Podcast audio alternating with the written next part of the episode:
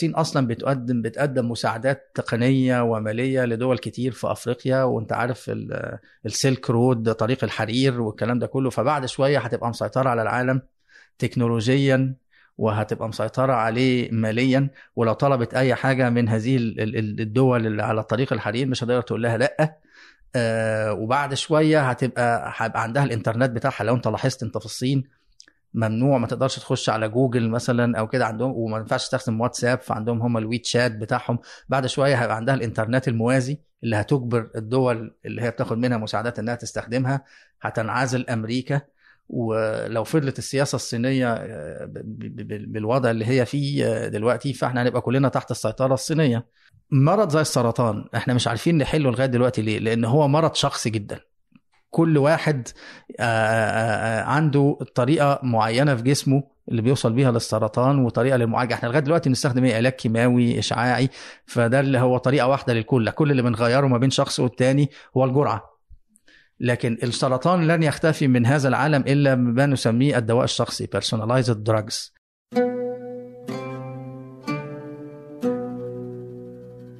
أهلا. هذا فنجان وأنا عبد الرحمن أبو مالح. ضيفي اليوم هو الدكتور محمد زهران أستاذ دكتور في جامعة آه، نيويورك آه، الأمريكية. آه، أستاذ متخصص في علوم الحاسب. الحلقة هذه حقيقة من الحلقات المقربة إلى قلبي يعني بحكم اهتمامي بهذا الموضوع.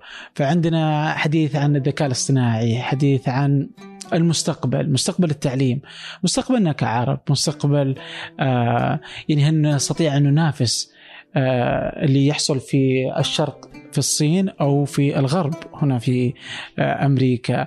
آه فهذا التنوع وهذا ال- اللي جالس يحصل عالميا آه، في التطور العلمي الثقافة العلمية عند المجتمعات حديث حقيقة رائع مبهج آه، في كثير من آه، المفاهيم والأشياء اللي ممكن كلنا كأشخاص كأسر كحكومات أن نستفيد منه ومن المستقبل. قبل أن نبدأ أود منكم أن تشاركوا هذه الحلقة مع من تعتقدوا أنها تهمه مشاركة الحلقات آه، من فنجان وإذاعة ثمانية. هي الطريقة الأمثل لمساعدة آه، ثمانية في الانتشار. وكذلك أود أن أشكر آه، الشريك آه، لنا في هذه الحلقة تطبيق المطار الذي ساعدنا في الوصول إلى نيويورك أما الآن لنبدأ. آه، أهلا دكتور. أهلا وسهلا وشكرا على ال- العزومة الكريمة. الله يعطيك العافية شكرا لك والله. يعني جيت آه، يعني وأنت للتو واصل نيويورك يعني بعد رحلة. ف... فشكرا جزيلا لك والله.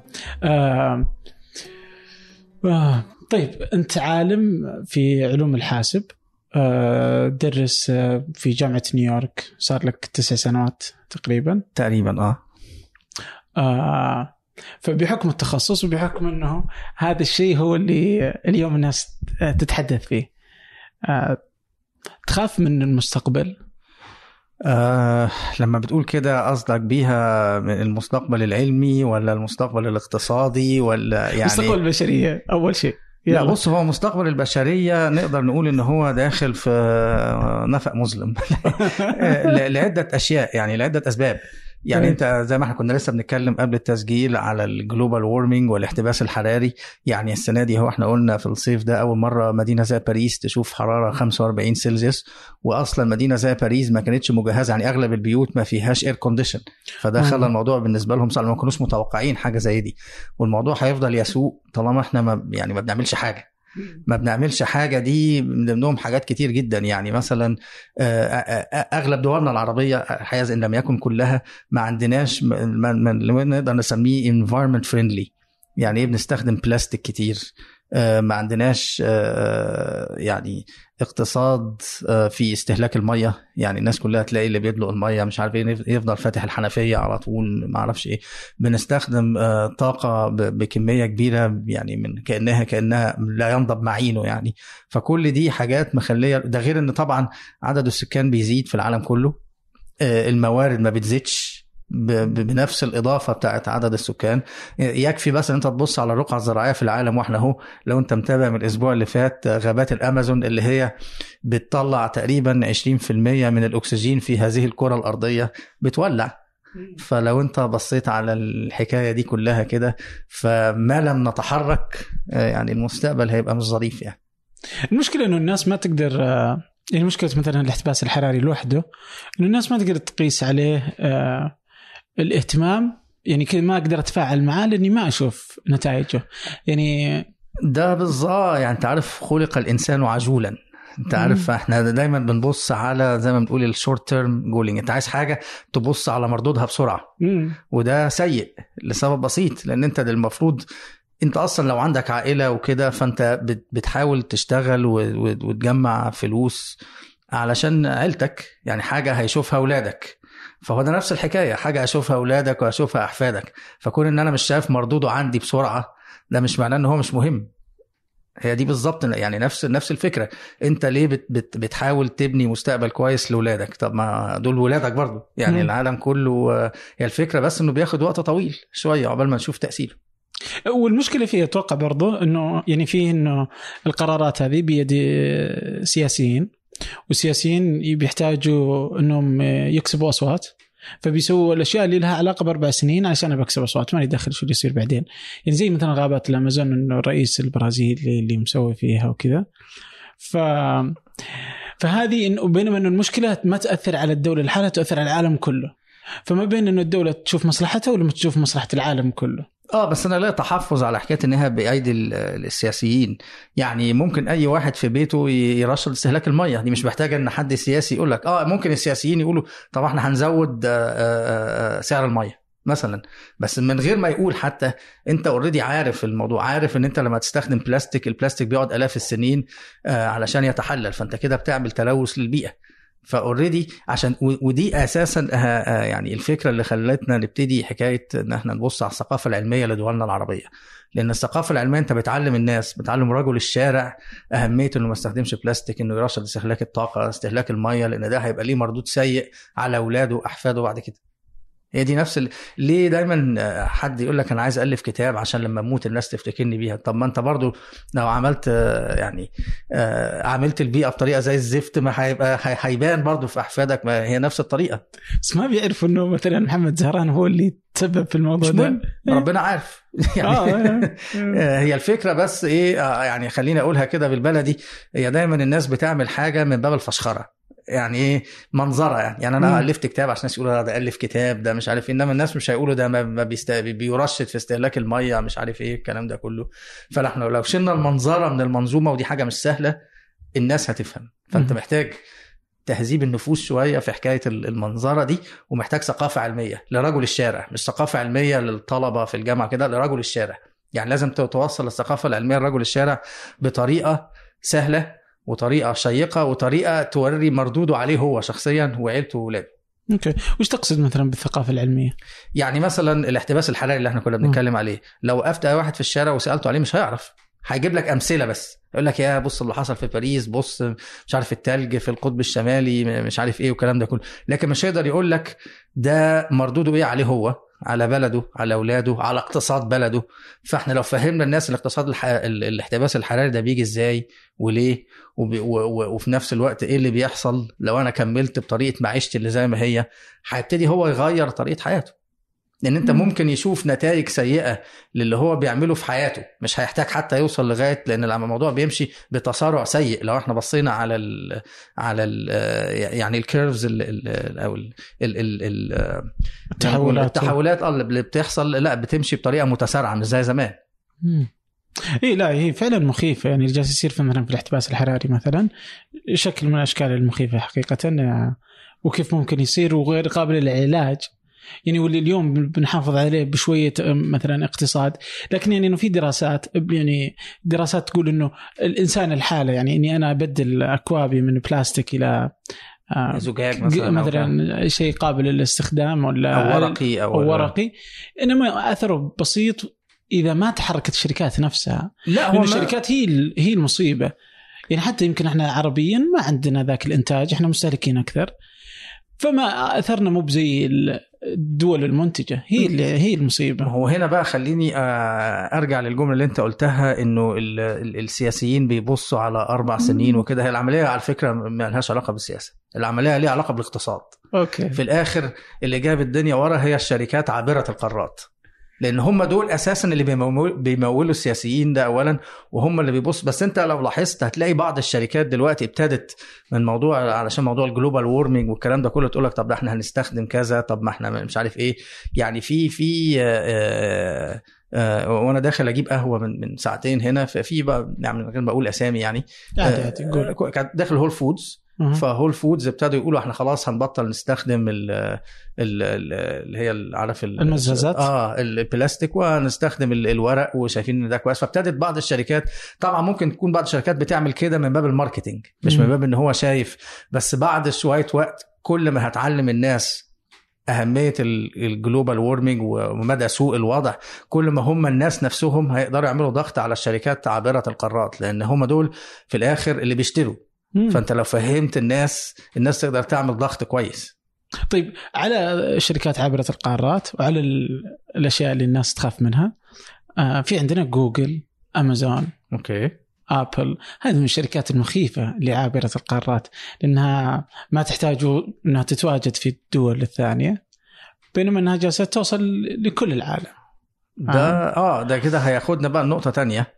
آه الذكاء الصناعي. هذا اللي كنت بقوله. يعني الذكاء الاصطناعي ناس كثير تتكلم عنه. وأصبح يعني في في ناس داخل ال ال ال يعني آه، من العلماء والناس اللي داخل المجال اللي تقول لا مو مخيف ومستحيل إنه يأثر أثر كبير. في ناس زي كذا. وفي ناس برضو في نفس الجهة. يعني إيلون ماسك واحد من الناس اللي طلعوا هذه السالفة بشكل كبير بما إنه مؤثر. آه إيلون ماسك وستيفن هوكينج الاثنين خايفين من. الموضوع ده. وهو خوف له أساس- ولا ما يخوف؟ لا ما يخوفش والله؟ وهقول لك ال- العملية جاية إزاي آه وهقول لك الخوف بيجي منين طيب أنت. لما تبص على خوف الناس أو يعني خوف يعني الاثنين اللي إحنا ذكرناهم دول هو خايف من إيه؟ خايف نوصل من الذكاء الصناعي للذكاء الصناعي الخارق وبعد كده الكمبيوترز آه، عارفة زي أفلام الخيال العلمي هيبتدوا بقى يستعبدونا وهنفقد إحنا السيطرة على الموارد بتاعت الكوكب والكلام ده كله. ده- خليني أفهم إيش الفرق بين الذكاء الاصطناعي والذكاء الاصطناعي الخارق. أوكي هو ما فيش دلوقتي ذكاء اصطناعي خارق. هو في ذكاء اصطناعي بس في حاجات معينة. يعني أنت خلينا ناخدها كده. ما هو الذكاء الصناعي في الآخر؟ أنت بتخلي الكمبيوتر يقدر يعمل مهمة ما كانت في الماضي تحتاج إلى ذكاء مننا بس هو يقدر يعملها. زي مثلا بيلعب شطرنج والحاجات اللي زي دي. زمان كنا بنعتبرها لعبة ذكاء وكده فالكمبيوتر دلوقتي بي- بيكسب بطل العالم بسهولة. بس أنت لو بصيت هتلاقي إن لكل مهمة إحنا محتاجين برنامج معين يعملها. تمام؟ يعني انت عايز برنامج لل... لل... آه، آه، ليلعب شطرنج عايز برنامج تاني يتحكم في بعض الأجهزة الطبية أثناء العمليات عايز برنامج ثالث عشان يسوق العربية. تمام؟ ده very specialized يعني متخصص جدا. عايزين يخ- يخشوا على الخطوة اللي بعدها اللي هو الذكاء الصناعي ال- الجنرال بقى اللي هو إيه زي البني آدم. أنت ممكن تلعب شطرنج وممكن تبقى تخش كلية الطب وتبقى دكتور يعني نفس الشخص نفس البرنامج بيتعلم حاجات كتير. دي الخطوة اللي هم عايزين يوصلوا لها أو بي- بي- بيحاولوا يوصلوا لها دلوقتي. في بعض النجاحات في بعض الأشياء.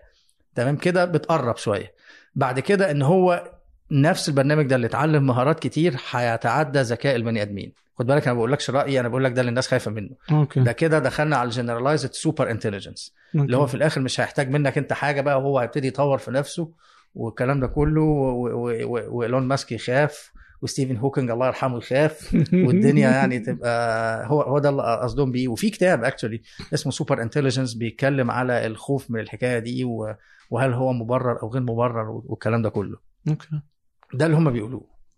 إيش يقول الدكتور محمد؟ طيب دلوقتي آه، في الآخر هو برنامج كمبيوتر صح. تمام آه، خلينا نبص على نبذة تاريخية كده إذا سمحت لي يعني خذ وقتك آه، آه، الذكاء الصناعي ده فرع من فروع علوم الحاسب ظهرت في الخمسينات تمام ومن جواها في كذا طريقة إن أنت تكتب برنامج كمبيوتر يبان إن هو بيعمل شيء ذكي تمام بعد شوية تفرعت تفرع من هذا يعني ال- ال field اللي هو ال artificial intelligence حاجات كتير لغاية لما وصلنا سنة ح- 86 تقريبا ظهرت آه، بحث معين. قال لك طب إحنا ممكن نعمل آه، نوع معين من الشبكات العصبية وهي طريقة في البرمجة أشبه بالمخ بس بطريقة مبسطة جدا. المخ أنت عبارة عندك في الآخر خلايا عصبية متوصلة ببعض والإشارات بتروح ما بينهم. فإحنا هنعمل برنامج عبارة عن في function صغيرة زي الخلايا العصبية وبتتوصل ببعض والأرقام اللي ما بينهم عبارة عن قوة ال- الإشارات اللي رايحة وه- وهكذا. يفرق إيه ده؟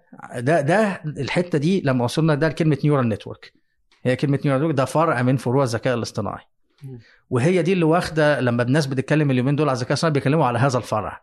ومن هذا هذا الفرع كان وصل إلى خريف العمر في أوائل الثمانينات وبطل يبقى فيه تمويل للأبحاث ومش عارف إيه لغاية لما ظهرت ال paper اللي هي بتاعت سنة 86 دي اللي ابتدت تاني ت revive أو تخلي الموضوع يبقى إيه سخن شوية إيش كانت هذه الورقة؟ إن هي بتوري لك إزاي تقدر تعلم بطريقة أحسن ه- ه- ال- ال- هذه النوعية من الشبكات العصبية وتطورها أكتر آه. تمام وده اللي إحنا بقى دلوقتي بالطريقة دي سم... انتقلنا من كلمة شبكات عصبية لحاجة أكثر تخصصا لاحظ إحنا ابتدينا من ذكاء صناعي ثم شبكات عصبية ثم machine learning وهو تعليم الآلة. آه. وهو ده اللي الناس بتتكلم عليه دلوقتي. لما أي حد بيقول AI بيتكلم على فرع ال machine learning اللي هو عبارة عن neural network اللي هو فرع من فروع الذكاء الاصطناعي. فده اللي. إحنا بنتكلم. يفرق إيه ده عن برنامج كمبيوتر؟ عادي. بيفرق الآتي. أي برنامج كمبيوتر أنت بتكتبه عبارة عن إيه؟ أوامر بتديها للكمبيوتر بينفذها واحد ورا التاني أو على التوازي مثلا أو حاجة. ده مش كده. لأن أنت عشان تكتب البرنامج اللي من النوع الأولاني لازم أنت شخصيا تبقى عارف خطوات الحل. أنت مش هتنفع تكتب خطوات للكمبيوتر لازم إلا إذا كنت أنت شخصيا عارف إزاي تحل المشكلة. في برامج ال machine learning أنت مش محتاج تعرف إزاي تحل المشكلة. أنت بس محتاج تدي للبرنامج ده أمثلة. يعني مثلا أنت عايز توري له اشعات طبية وتقول له بص الأشعة دي معناها إن المريض ده عنده سرطان. وأدي الأشعة الثانية بتقول إن هو ما عندوش سرطان. وتدي له أمثلة كتير. بعد شوية هو بقى بيظبط نفسه. زي ما المخ بيعمل. لو اديت له أشعة ما شافهاش قبل كده يقدر يقول لك. ويعني بدقة عالية دلوقتي تفوق حتى الأطباء ال- يعني اللي عندهم خبرة. يقدر يقول لك إذا كان العيان ده عنده سرطان ولا ما عندوش سرطان. فأنت المرة دي عشان كده اسمها ماشين ليرنينج هي بتتعلم لوحدها. أنت بتديها أمثلة بس. وهو ده اللي موجود دلوقتي. علشان كده الكلمة اللي بتيجي دايما مع الذكاء الصناعي أو ال machine learning هو ال big data ال big data وهو البيانات الضخمة البيانات الضخمة لأن البيانات الضخمة دي هي اللي أنت بتطلع منها الأمثلة اللي بتعلم منها اللي بتعلم بيها ال- ال machine عشان بعد كده تقدر تعمل تسوق العربية لوحدها آه، تدي علاج لمريض و- وهكذا يعني. okay طيب اليوم عندنا اللي هو آه، آخر شيء التعلم العميق هو تعلم الآلة ما هو ال machine learning ده نفسه آه، عبارة عن شبكة عصبية لو الشبكة العصبية دي بقت كبيرة. دخلنا لل deep learning اللي هي part of ال machine learning يعني هي في. الآخر deep learning machine learning neural network AI هي في الآخر حاجة جوه حاجة فرع دقيق جدا من الذكاء الصناعي في الآخر. okay. طيب الحين عندنا الذكاء الاصطناعي ال- ال- فيه مهمات معينة قادر إنه يتفوق فيها على الإنسان. تمام مثلا آه، يقدر يتعلم طبعا ما يطفى ما ينسى الشطرنج يقدر يكسب إيه. بطل العالم خلاص إيه دلوقتي خلاص ما, ما في أحد يقدر يغلب الآلة في الشطرنج. نهائيا صح؟ خلاص تفوق و- الإنسان و- قطعاً.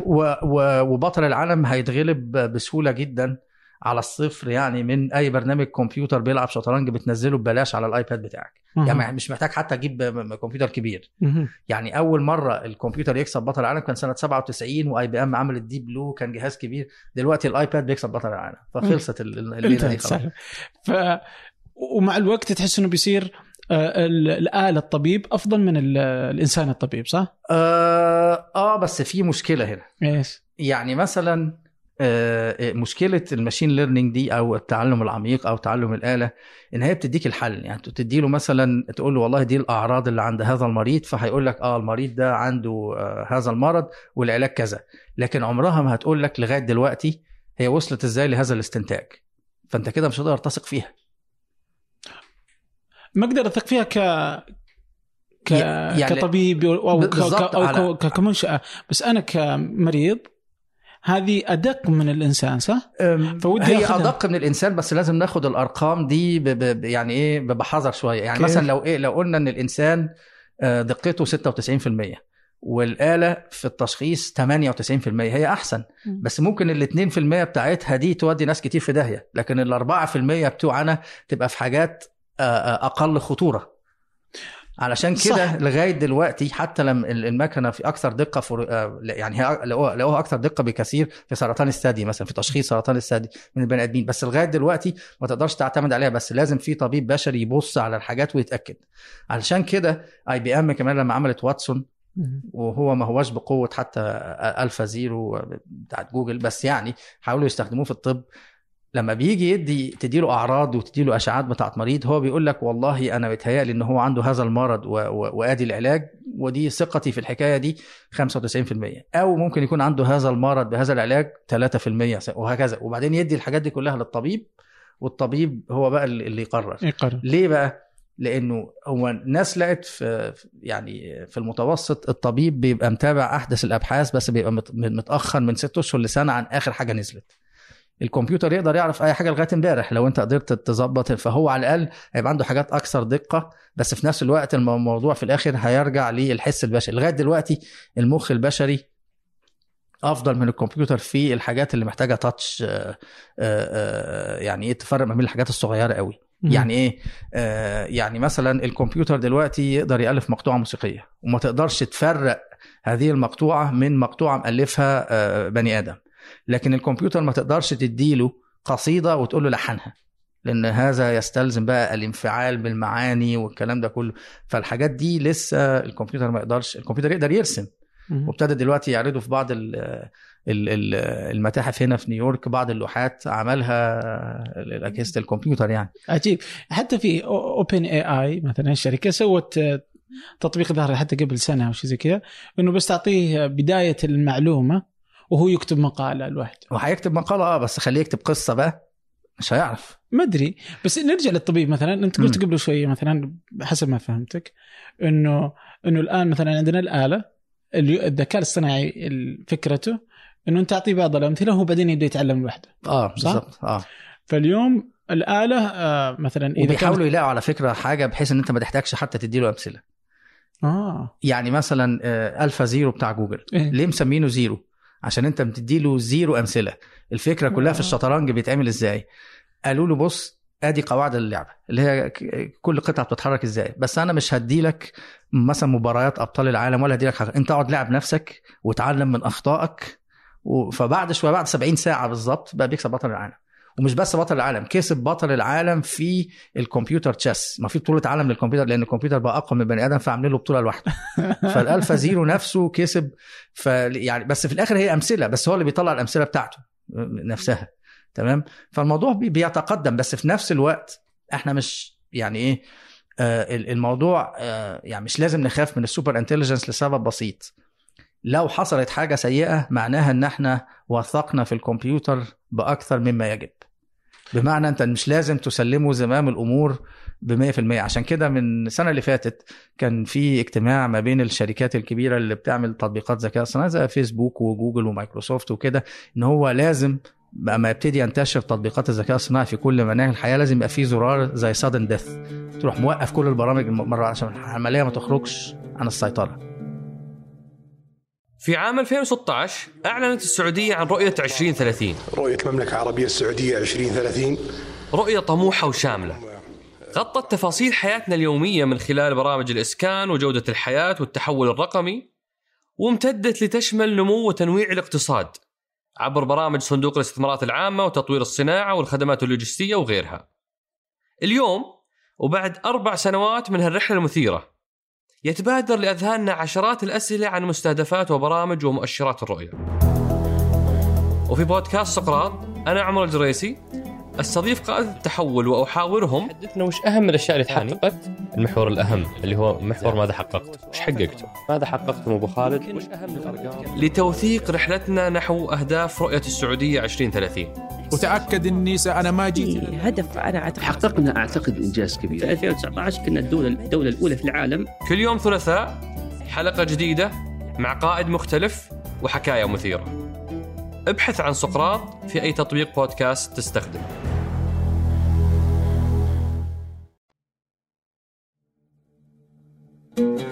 آه، أنا برجع كذا أحس أحس إن المآل إنه الإنسان يجب إنه يثق بالآلة. فبمشي مثلا على الطب لأن أحس إن الطب هو هو المثال اللي يتعلق بالإنسان مباشرة يعني تمام. بحياتي إما اني اعيش أو أموت. تمام. فإذا وثق الإنسان بأنه الآلة هي اللي بتعالجه فمفترض انه يثق فيها في أي مكان ثاني. فإذا قلنا أنه الطبيب آه يقدر أنه الآلة تتعلم لوحدها تقدر تشخص أفضل اليوم بنسبة بسيطة مثلا. اليوم تشخص أفضل من الإنسان. آه في بعض الحاجات. في بعض الحاجات. بس مع الوقت شوي شوي اللي بتصير إنها تقدر تاخذ أشياء كثيرة. بس حتى في بعض الحاجات هذه اليوم الطبيب يعني مثلا لنفرض أنك أنت طبيب. أنت قادر على أنك آه، يعني عندك علم محدود وفقا للي أنت درسته وفقا للي أنت اطلعت عليه وآخر الأشياء اللي أنت اطلعت عليها وفقا للي أنت قلتها ستة شهور مثلا. وفقا لتجاربك برضو الطبيب يتعلم من تجاربه اللي جالس يؤديها تمام. والتشخيص اللي جالس يقوله. أحيانا يتوقع أنه كذا بس ما هو متأكد. بس شلون يتأكد؟ يتأكد مع التجارب حبة حبة. تجاربه فردية بينما تجارب الآلة كمية متراكمة. تمام. فالتجربه اللي تصير في كينيا في غانا في السعودية في اليابان في مصر في الكويت في أمريكا في البرازيل كلها في آلة واحدة. هذه جالسه لحالها تعرف كل جس... كل شيء جالس يصير. وما تنسى وتأخذ هذا التراكمي فاهم؟ فهو تعليم تراكمي دائم غير قابل للنسيان. و... طيب آه خليني و- وموجود في كل مكان مستنسخ. يعني الطبيب اللي يعالج في نيويورك يعني ما عاد بتصير نيويورك هي مدينة العلاج مثلا لنفرض إنها كانت. ما لها تصير لأنه نفس الآلة هذه أقدر احطها مثلا في الرياض تمام تشتغل. تمام. فما يحتاج أطباء يصيرون. فأنت مش محتاج بني ادمين يعني سؤالك إن أنت مش يعني ما محتاج تحتاج حتى بن... يعني بيصير الطب أفضل بكثير ما يجعل الحكومات تفرض إنه هذا هو الشكل الموجود إنه أوفر عليها عشان تعالج مواطنينها. الشركات راح تستخدم هذا الشكل في إنها تبيعه فاقتصاديا بيكون مربح أكثر.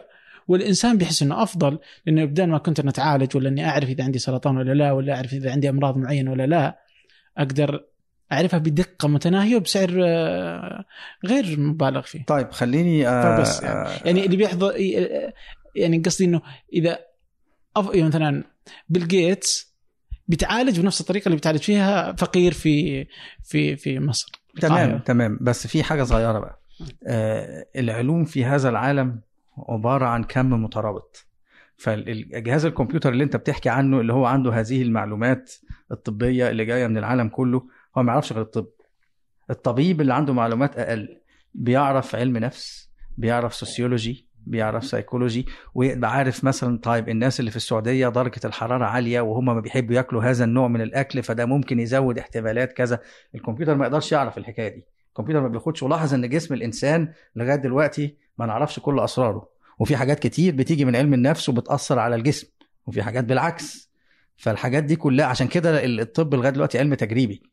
عشان كده في ساعات انت ممكن تروح لدكتور يدي لك علاج وبعدين تقول له أنا عايز آخد second opinion وتروح لدكتور تاني يدي لك علاج وهكذا.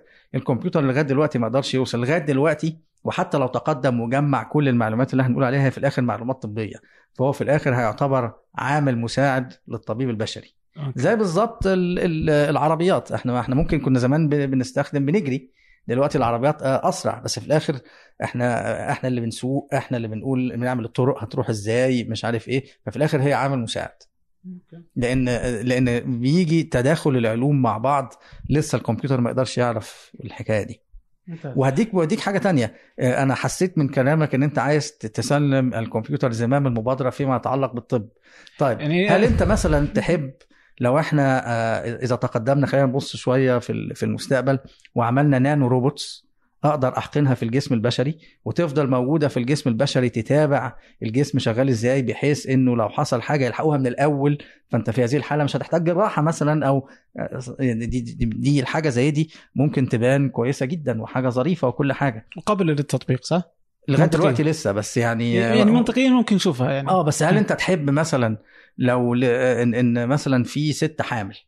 النانو روبوتس دي لقت إنه في احتمال 30% إن الجنين يطلع مشوه فهتموت الجنين من غير ما تاخد رأي الأب والأم دي تعتبر حاجة كويسة ما أنا عشان كده قلت لك الخوف من الذكاء. الصناعي بيجي في إن أنت بتدي له زمام المبادرة في حاجات كتير لن تستطيع أن تثق في الذكاء الصناعي مهما بلغ لأنه زي ما إحنا قلنا العلم في الآخر آه، آه، كم مترابط. الكمبيوتر مهما جه هياخد طب. إلا إذا أنت وصلت بقى لو بصينا آه، يعني مئات من السنين قدام أنت عايز تدخل مع الكمبيوتر مش معلومات طبية بس عايز تدخله معلومات طبية ومعلومات جغرافية وسياسية ومش عارف.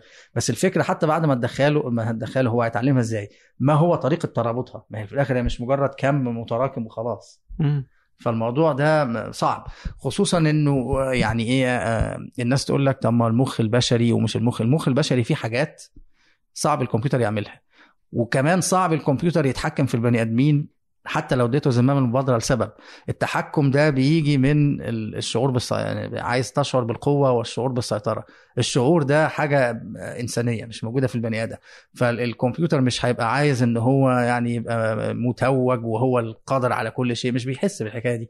هو في الآخر برنامج طلع أو نزل برنامج بس البرنامج معمول بطريقة تانية أقرب إلى الشبكات يعني بطريقة مبسطة يعني الشبكات العصبية بتاعت المخ وبس. طيب تتوقع إذا إذا قلنا إنه الآلة ما راح تتفوق على الإنسان بس إنه ممكن يصير في إنسان خارق؟ فيصير إنسان مدموج مع الآلة؟ آه، في بعض الحاجات يعني وأنا صغير كان في مسلسل اسمه ستيف أوستن اللي هو وكان بعد كده ظهر Bionic Woman والكلام الظريف ده. طبعا يعني إيه آه، يعني هو ممكن يعني الأجهزة التعويضية دي تبقى جامدة. ممكن تتقدم. لغاية دلوقتي الأجهزة التعويضية مثلا لو حد فقد إيد أو رجل أو كده مش بنفس كفاءة ال- الأجهزة الأصلية. خصوصا إنه آه، لو ركبت مثلا رجل صناعية دي ممكن تخليك تمشي بسرعة بس في نفس الوقت مش هتحس بيها زي ما بتحس بالرجل الأصلية. فده بيقلل إحساسك بيها. أنت في الآخر وأنت بتجري بتحس إن أنت ماشي على رمل بتحس إن أنت ماشي لكن لو ركبت رجل صحيح مش هتحس بالكلام ده. فده هيقلل مشاعرك انت نفسك. آه ممكن تلاقي نفسك بتجري بسرعة. لو الأجهزة دي تقدمت يعني بعد عشرات السنين أو كده بس في نفس الوقت مشاعرك انت نفسها هتقل. يعني هتبقى انت مش مبسوط. أوكي صح. ممكن. بس إنك بتصير سريع ما ت- ما تتعب. آه بس صح. الفكرة أنت عايز تبقى سريع ليه؟ ما أنت وما, عندك وما تتعور. آه بس يعني أنا قصدي أنت عايز تبقى سريع ما أنت عندك العربية. وبعد شوية تبقى العربيات الطائرة وحاجات اللي زي دي. فأنت شخصيا عايز عايز مثلا تبقى قوي تقدر تشيل كذا طن ليه وأنت already عندك آلات رافعة. ما انت ما نفكر فيها. هي الحكاية دي اتزرعت فينا عشان وإحنا صغيرين بقى المارفل وسوبرمان ومش عارف الناس بقى. فده شعور الفشخرة اللي أنا قلت عليه من الأول اللي هي المنظرة. آه. إنما في الآخر أنت مش محتاج كبني آدم تبقى كده. أنت محتاج يبقى عندك مشاعر في الآخر لأن في ال- السيطرة عشان تخلي هذه الدنيا مكان أفضل التكنولوجيا نمرة اتنين. نمرة واحد المشاعر. لو هنفكر فيها كده. okay. بس الكمبيوتر يقدر يلعب بالمشاعر. تتذكر اللي, اللي صارت على فيسبوك القضية؟ يوم تلاعبت مشاعر بعض الناس كانت تبغى تجرب تجربة فتلاعبت بمشاعر الناس بعدين ما هي تلاعبت بمشاعر الناس لكن هي ما نفسها ما عندهاش مشاعر. إي أدري بس تقدر تتلاعب مشاعرك. ما هو ده شيء سيء. ما هي دي بقى. الفكرة. علشان كده لأن إحنا كده سم... سلمنا الكمبيوتر زمام المبادرة في حتة ما كانش المفروض ياخد فيها زمام المبادرة. علشان نفضل آه، كل شيء تحت السيطرة لازم نبقى عارفين كويس أين نطبق الذكاء الاصطناعي؟ أين نستخدم الكمبيوتر؟ وأين لا نستخدم الكمبيوتر؟ يعني مثلا آه، هل أنت عايز الكمبيوتر يألف مقطوعة موسيقية؟ ممكن. يعني ممكن مثلا يع- يعرف هو لغاية دلوقتي لسه الناس ما وصلتش قوي. للشعور بالجمال. يعني إزاي في مقطوعة موسيقية تعجبك وما تعجبنيش مثلا. لكن لو وصلوا للحكاية دي بعد كده يعني في فيلد ماشي ابتدى من كذا سنه اسمه نيورو استاتيك إزاي ال- المخ بيتذوق الجمال. لما يوصلوا لحاجة زي دي ممكن الكمبيوتر يألف لك مقطوعة موسيقية هو عارف إنها هتعجبك أنت. وخاصة لك. خاصة لك. دي دي دي دي, دي حاجة كويسة. دي حاجة ظريفة. وفي نفس الحكاية في الرسومات والحاجات اللي زي دي. فدي كلها رفاهية. ده ما فيهاش ما فيهاش آه، مشكلة. الفكرة كلها إن أنت لو خليت الكمبيوتر يأثر على مشاعرك أنت بحيث إن أنت تفضل هيمان في هذه الدنيا الفانيه وما تشتغلش مثلا أو ما تهتمش بعيلتك. كده أنت بتس- بتسلمه زمام المبادره بأكثر مما يجب. ده وجهة نظري يعني. بس يعني اليوم إحنا جالسين نسلم. يعني أتوقع إنه بشكل أو بآخر جالسين نسلم شوي شوي. يعني مثلا الجوال واحدة من أشكال تسليمنا لل للآلة يعني. جوجل إنك جالس إنت تدري اليوم إن جوجل جالسة تستخدم بياناتك وجالسة تطلع منها فلوس وجالسة تبني برامج من خلالها. هي في هو إحنا قلنا في الأول صح. مش السياسة هو الاقتصاد. الشركات عابرة القارات أنت عندك في هذا العالم حاليا وإحنا بنتكلم تسع فبنسلم شركات. ما آلاتنا إنه نسلم. يعني ما ده شيء تجربتنا. اليوم إنه إحنا نسلم. ما عشان كده العملية محتاجة حملات توعية بقى. تستسلم يعني؟ إيه؟ آه لأن أنت عندك تسع شركات في هذا العالم حاليا. هم أكبر تسع شركات في تطبيقات الذكاء الصناعي. لو ح... ستة في أمريكا وثلاثة في الصين. إلى وقتنا هذا. اللي هي في أم- في في, في الصين بالتالي تنسنت وبايدو وعلي بابا. آه، في أمريكا أنت عندك بقى Apple وفيسبوك وأمازون وجوجل ومايكروسوفت آه، و IBM. آه، بهذا الترتيب على فكرة. يعني بهذا الترتيب فعلا. من وجهة نظري برضو. آه، الفكرة إنه آه، العملية محتاجة آه، في أمريكا العملية اقتصادية بحتة. يعني هم سايبين اقتصاد السوق وهذه الشركات تتصارع مع بعض وكل حاجة. الصين الموضوع أصعب لأن في الصين الثلاث شركات دول تحت سيطرة الحكومة. فالحكومة قايلة لكل شركة منهم هتعمل إيه؟ والحكومة الصينية عايزة عندها خطة طموحة جدا لإدخال حتى تدريس الذكاء الصناعي للمدارس مش للجامعة. وابتدوا يمرنوا مدرسين في الحكاية اللي زي دي. وإحنا قلنا إن الذكاء الصناعي بيبقى كويس أو قدرته بتعتمد على ال ال ال ال ال data اللي أنا بديها له اللي بمرنه بيها. فالصين عندهم مليار ونص والحكومة ممكن تاخد المليار ون... معلومات المليار ونص شخص دول تمرن بيهم ال... هنا في أمريكا مثلا لا لسه في شوية privacy ولازم تمضي. يعني شفت فيسبوك والفضيحة اللي حصلت آه، في بوسطن أيام الانتخابات وكده فلسه في شوية آه، في الصين ما عندهمش. العملية ظريفة جدا يعني من. مليار ونص. فلو فضل الوضع على ما هو عليه الصين هتتفوق على أمريكا في تطبيقات الذكاء الصناعي. بس هل دي حاجة كويسة ولا وحشة؟ يعني في كتاب اسمه The Big Nine نزل السنة دي.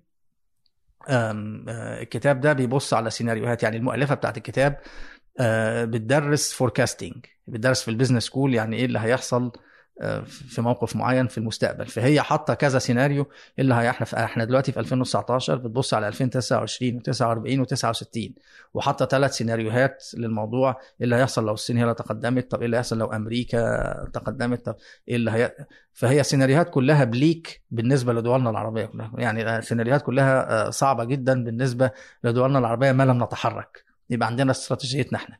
okay. وش وش كانت السيناريوهات مثلا؟ السيناريوهات إنه هتفضل هذه الشركات الستة واحد منهم مثلا تتصارع مع بعض اللي هي في أمريكا فالصين هتتقدم جدا وفي في مجالات الذكاء الصناعي وبعد شوية الصين أصلا بتقدم بتقدم مساعدات تقنية وماليه لدول كتير في أفريقيا وأنت عارف ال- السيلك رود طريق الحرير والكلام ده كله فبعد شوية هتبقى مسيطرة على العالم تكنولوجيا وهتبقى مسيطرة عليه ماليا ولو طلبت أي حاجة من هذه ال- ال- الدول اللي على طريق الحرير مش هتقدر تقول لها لأ. آه وبعد شوية هتبقى هيبقى عندها الإنترنت بتاعها. لو أنت لاحظت أنت في الصين ممنوع ما تقدرش تخش على جوجل مثلا أو كده عندهم وما ينفعش تستخدم واتساب فعندهم هم الويت شات بتاعهم. بعد شوية هيبقى عندها الإنترنت الموازي اللي هتجبر الدول اللي هي بتاخد منها مساعدات إنها تستخدمها. هتنعزل أمريكا. ولو فضلت السياسة الصينية آه، بالوضع اللي هي فيه آه، دلوقتي فاحنا هنبقى كلنا تحت السيطرة الصينية. آه، لو العكس هنبقى كلنا تحت السيطرة الأمريكية. تحب تختار إيه؟ فهي الفكرة إن أنت مش عايز يبقى عندك قوة واحدة بس في الموضوع ده. عشان كده مهم إن أنت يبقى عندك دول كتيرة متقدمة في مجال الذكاء الصناعي. إحنا مستنيين نشوف أوروبا هتعمل إيه هنشوف اليابان. وهدي لك فكرة إحنا بنبص على الذكاء الصناعي لغاية دلوقتي كحتة سوفت وير أو الهاردوير بيساعدها. إحنا قلنا إن أهم بحث أو البحث اللي عمل يعني يعني قفزة كبيرة كان سنة 86 لكن إحنا ما سمعناش عن حكاية الذكاء الصناعي دي غير آه، في 2012 إيه اللي حصل من هنا لهنا؟ إن أجهزة الكمبيوتر بقت بالقوة بحيث إنها تقدر تشغل هذه النوايا. وهذا وده بياخدنا لأجهزة الكمبيوتر فائقه السرعه اللي هو تخصصنا أنا بقى. آه. هنا بقى خلينا نبص على حاجة مهمة جدا. في آه، قائمة باقوى خم- 500 كمبيوتر في العالم. حتى لو دخلت على top500.org هتلاقيها. هذه القائمة تحدث مرتين في السنة في نوفمبر وفي يونيو. من 2012 لغاية نوفمبر اللي فات أمريكا لم تأخذ المركز رقم واحد قط. آه. كانت الصين. آه، آه، نوفمبر اللي فات اللي هو 2018 أمريكا وصلت بحاجة اسمها سامت وما زال Summit موجود دلوقتي هو نمرة واحد. بس هتلاقي نمرة اثنين وثلاثه وأربعة من الصين. Summit هذا وش هو؟ آه، Summit هم مسمينه كده بس هو واحد من في Oak Ridge Lab في واحدة من ال يعني ال- ال- ال- الجهة اللي بتمول أجهزة ال supercomputer في أمريكا الجهه الكبرى يعني في كذا جهة هي وزارة الطاقة Department of Energy فبتحط هذه الأجهزة في المعامل الحكومية زي Lincoln Lab Oak Ridge Lab وهكذا. تمام؟ إيه أهمية أجهزة الكمبيوتر فائقه السرعة؟ اولا هتشغل تطبيقات أكثر قوة للذكاء الصناعي. تاني حاجة هتقدر تعمل محاكاة لأنواع الأسلحة فتطور أسلحتها أسرع. الحاجة الثالثة إن هي هتقدر تعمل محاكاة للتغييرات الجوية فتقدر تشوف الموضوع بتاع الاحتباس الحراري مثلا هيبقى هيبقى أسوأ ولا هيبقى أحسن. طب لو عملت إيه هي- هيعمل إيه؟ وهكذا. رابع حاجة ممكن تعمل فيها اكتشاف الأدوية وتجرب الدراجز بطريقة أسرع بدل ما تقعد تجرب الأول على الفئران ثم البني آدمين. ممكن تعمل محاكاة أكثر دقة فتقدر تعتبر إن أجهزة الكمبيوتر فائقه السرعة ده سلاح استراتيجي. و آه، آه، يعني في في آه، اللي بيسموه الهولي جريل ولا هي أهم حاجة لكل الدول أمريكا والصين واليابان والاتحاد الأوروبي بيتخانقوا عليه نوع اسمه exascale exa يعني 10 آه، أس 18 مم. آه، يعني عايز مكنة تعمل على الأقل 10 أس 18 عملية حسابية في الثانية ده ما يعني إيه كانوا عايزين يعملوه سنة 2008 ما أمريكا ما ما عرفوش. 2012 ما عرفوش. 2015 فحاطين deadline هو 2022 أو 2021 مش فاكر بالظبط. وكل شوية الصين تنزل تقرير تقول إحنا قربنا نوصل لل exascale. ما هو خناقة بقى ما هو حرب باردة دلوقتي. وكنت كتبت في واحدة من مقالات الشروق عن الحكاية دي عن الحرب الباردة بين أمريكا والصين جاية من هذا هذه الأجهزة فائقه إحنا حاليا في ال petascale اللي هي 10 أس 15 أها. آه لسه ما وصلناش لل exa ال exascale اللي هو 1000 ضعف آه، إ- إذا وصلنا ال exascale وش وش اللي بيصير؟ آه، اولا هيبقى عندك آه، أجهزة آه، أو برامج ذكاء صناعي أكثر قوة بكثير. آه، هيبقى عندك قدرة على التجسس أكثر بكثير ما أنت في الآخر عمال بتتجسس على يعني خلينا نفترض إن أنت عندك التكنولوجيا إن أنت تسمع مكالمات الناس في العالم كله. طب سمعتهم وسجلتهم لازم حد يبص عليهم بقى يشوف في مشكلة ولا لأ ما هو مش مش فكرة مش تخزين وتجسس لازم تحللهم. فأنت لو عندك مكنة زي دي هتقدر تحلل. وبعدين وهو الأهم في مجال الطب مرض زي السرطان إحنا مش عارفين نحله لغاية دلوقتي ليه؟ لأن هو مرض شخصي جدا. كل واحد آه، آه، آه، عنده طريقة معينة في جسمه اللي بيوصل بيها للسرطان وطريقة للمعالجة. إحنا لغاية دلوقتي بنستخدم إيه؟ علاج كيماوي إشعاعي فده اللي هو طريقة واحدة للكل. كل اللي بنغيره ما بين شخص والتاني هو الجرعة. لكن السرطان لن يختفي من هذا العالم إلا ما نسميه الدواء الشخصي personalized drugs. وعلشان يبقى عندك ال personalized drugs دي أنت عايز تاخد الجينوم بتاع البني آدم تحلله. وتشوف طب إيه الدواء اللي أنا هعمله لهذا الشخص بس بحيث إن لو شخص تاني خد نفس الدواء يموت. هو معمول ده هيخف ده هيموت. بالسرعة الحالية بتاعت أحسن كمبيوتر عندنا عقبال ما يعمل هذه بتاع كل العيان مات اوريدي فأنت محتاج حاجة أسرع. فأنت في مجال الطب وطبعا لو بعض الش- ال- ال- الشركات عابره القارات وصلت للجهاز ده قبل الباقيين هتخلي بقى الأدوية بثمنها بملايين مش هتوصل يعني لل- للفقراء و... فأنت أنت يعني فعشان كده إحنا عايزين التكنولوجيا تبقى ديمقراطية. لا عايزين أمريكا تكسب ولا الصين تكسب إحنا عايزين العالم كله يكسب. هنا بقى هيتدخل الاقتصاد مع السياسة مع ضغط شعبي يعني عمليه بقى محتاجة تفكير شوية. أو, أو أو ممكن يعني جوجل خصوصا عندها واحدة من الشركات اللي متخصصة في الطب يعني. بز... آه ب... ب... ب... يعني واحدة من الطب. شركات الفابت اللي هي تملك جوجل آه، في الطب. ف...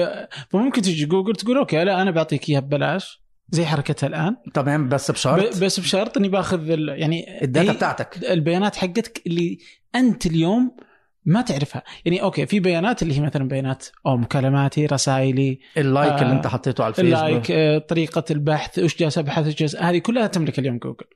ف... وأعرف وش تملك. يعني يعني عندي تصور وش تملك. بس اذا إذا جت قالت أوكي خلاص أنا بعطيك إياها هذه اللي تحلل كل حاجة تحطها عندك. بتصير هي تعرف ما هو داخل جسمي.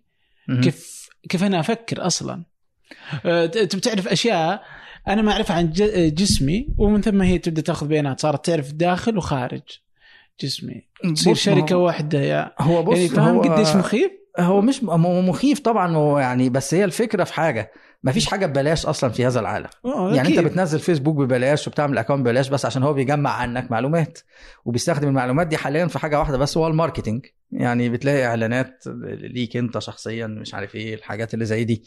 آه إنما فكرة بقى إن هو يعرف أنت بتفكر في إيه هو هيقدر يستنتج بس مش هيقدر يعرف. في فرق كبير. يعني مثلا أقول لك أنا هعرف أنت بتفكر في إيه بنسبة 95% بس مش بنسبة لأن لسه المخ البشري فيه أسرار كتير إحنا ما نعرفهاش.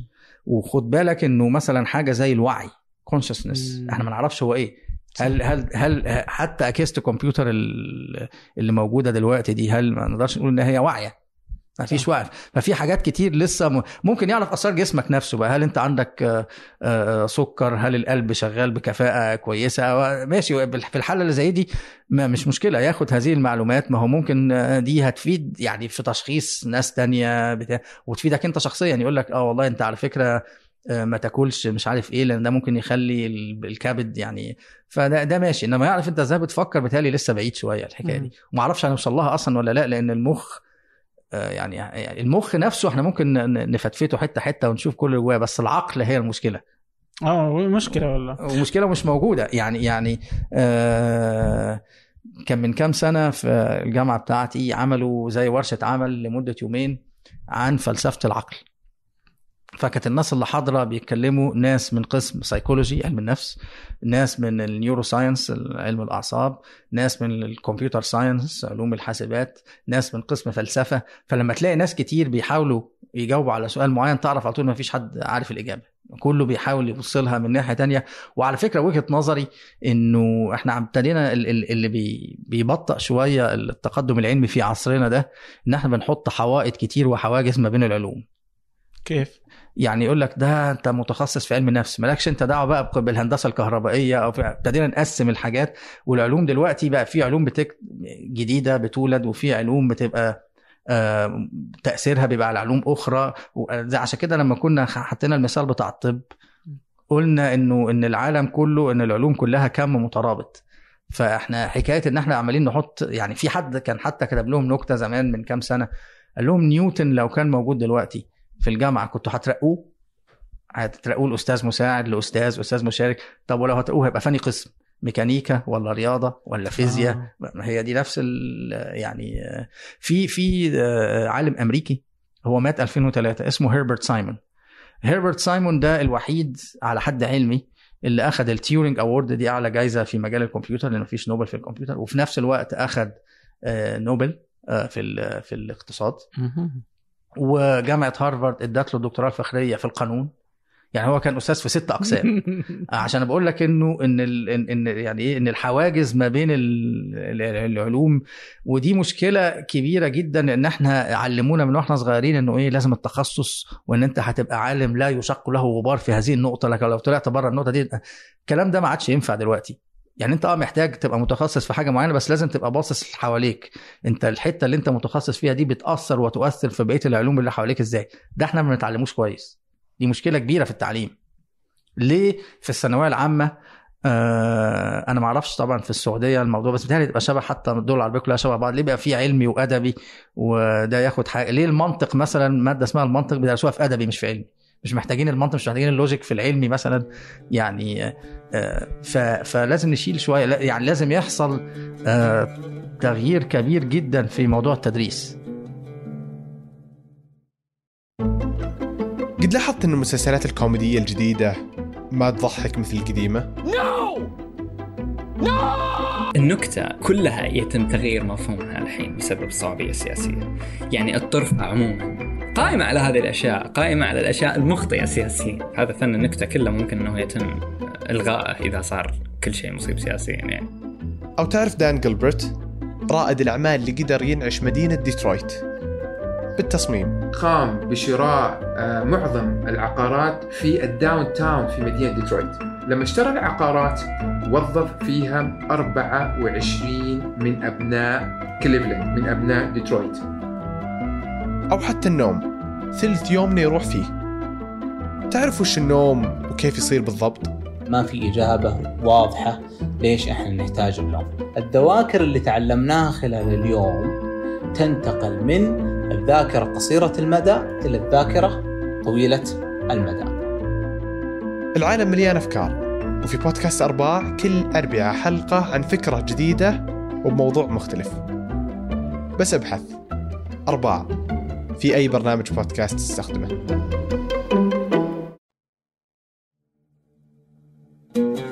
بس مو أفضل إذا كان في يعني أفهم منك انك جالس تبغى تقول إنه آه التخصص يعني كذا العالم المتخصص هو أقل حظا ومفترض إنه نتجاوزه ونركز على إنه العالم الموسوعي أو المعرفة إنه الواحد يكون عنده هو مش كده أنت لازم تبقى متخصص في حاجة بس في نفس الوقت ما تبقاش صفر في الحاجات اللي حواليك.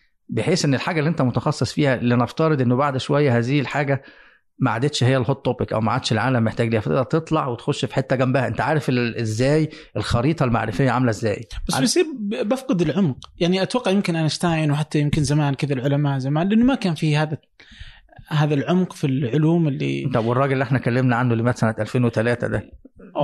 هذا يمكن برضه إنه آه، في ناس عبقريين.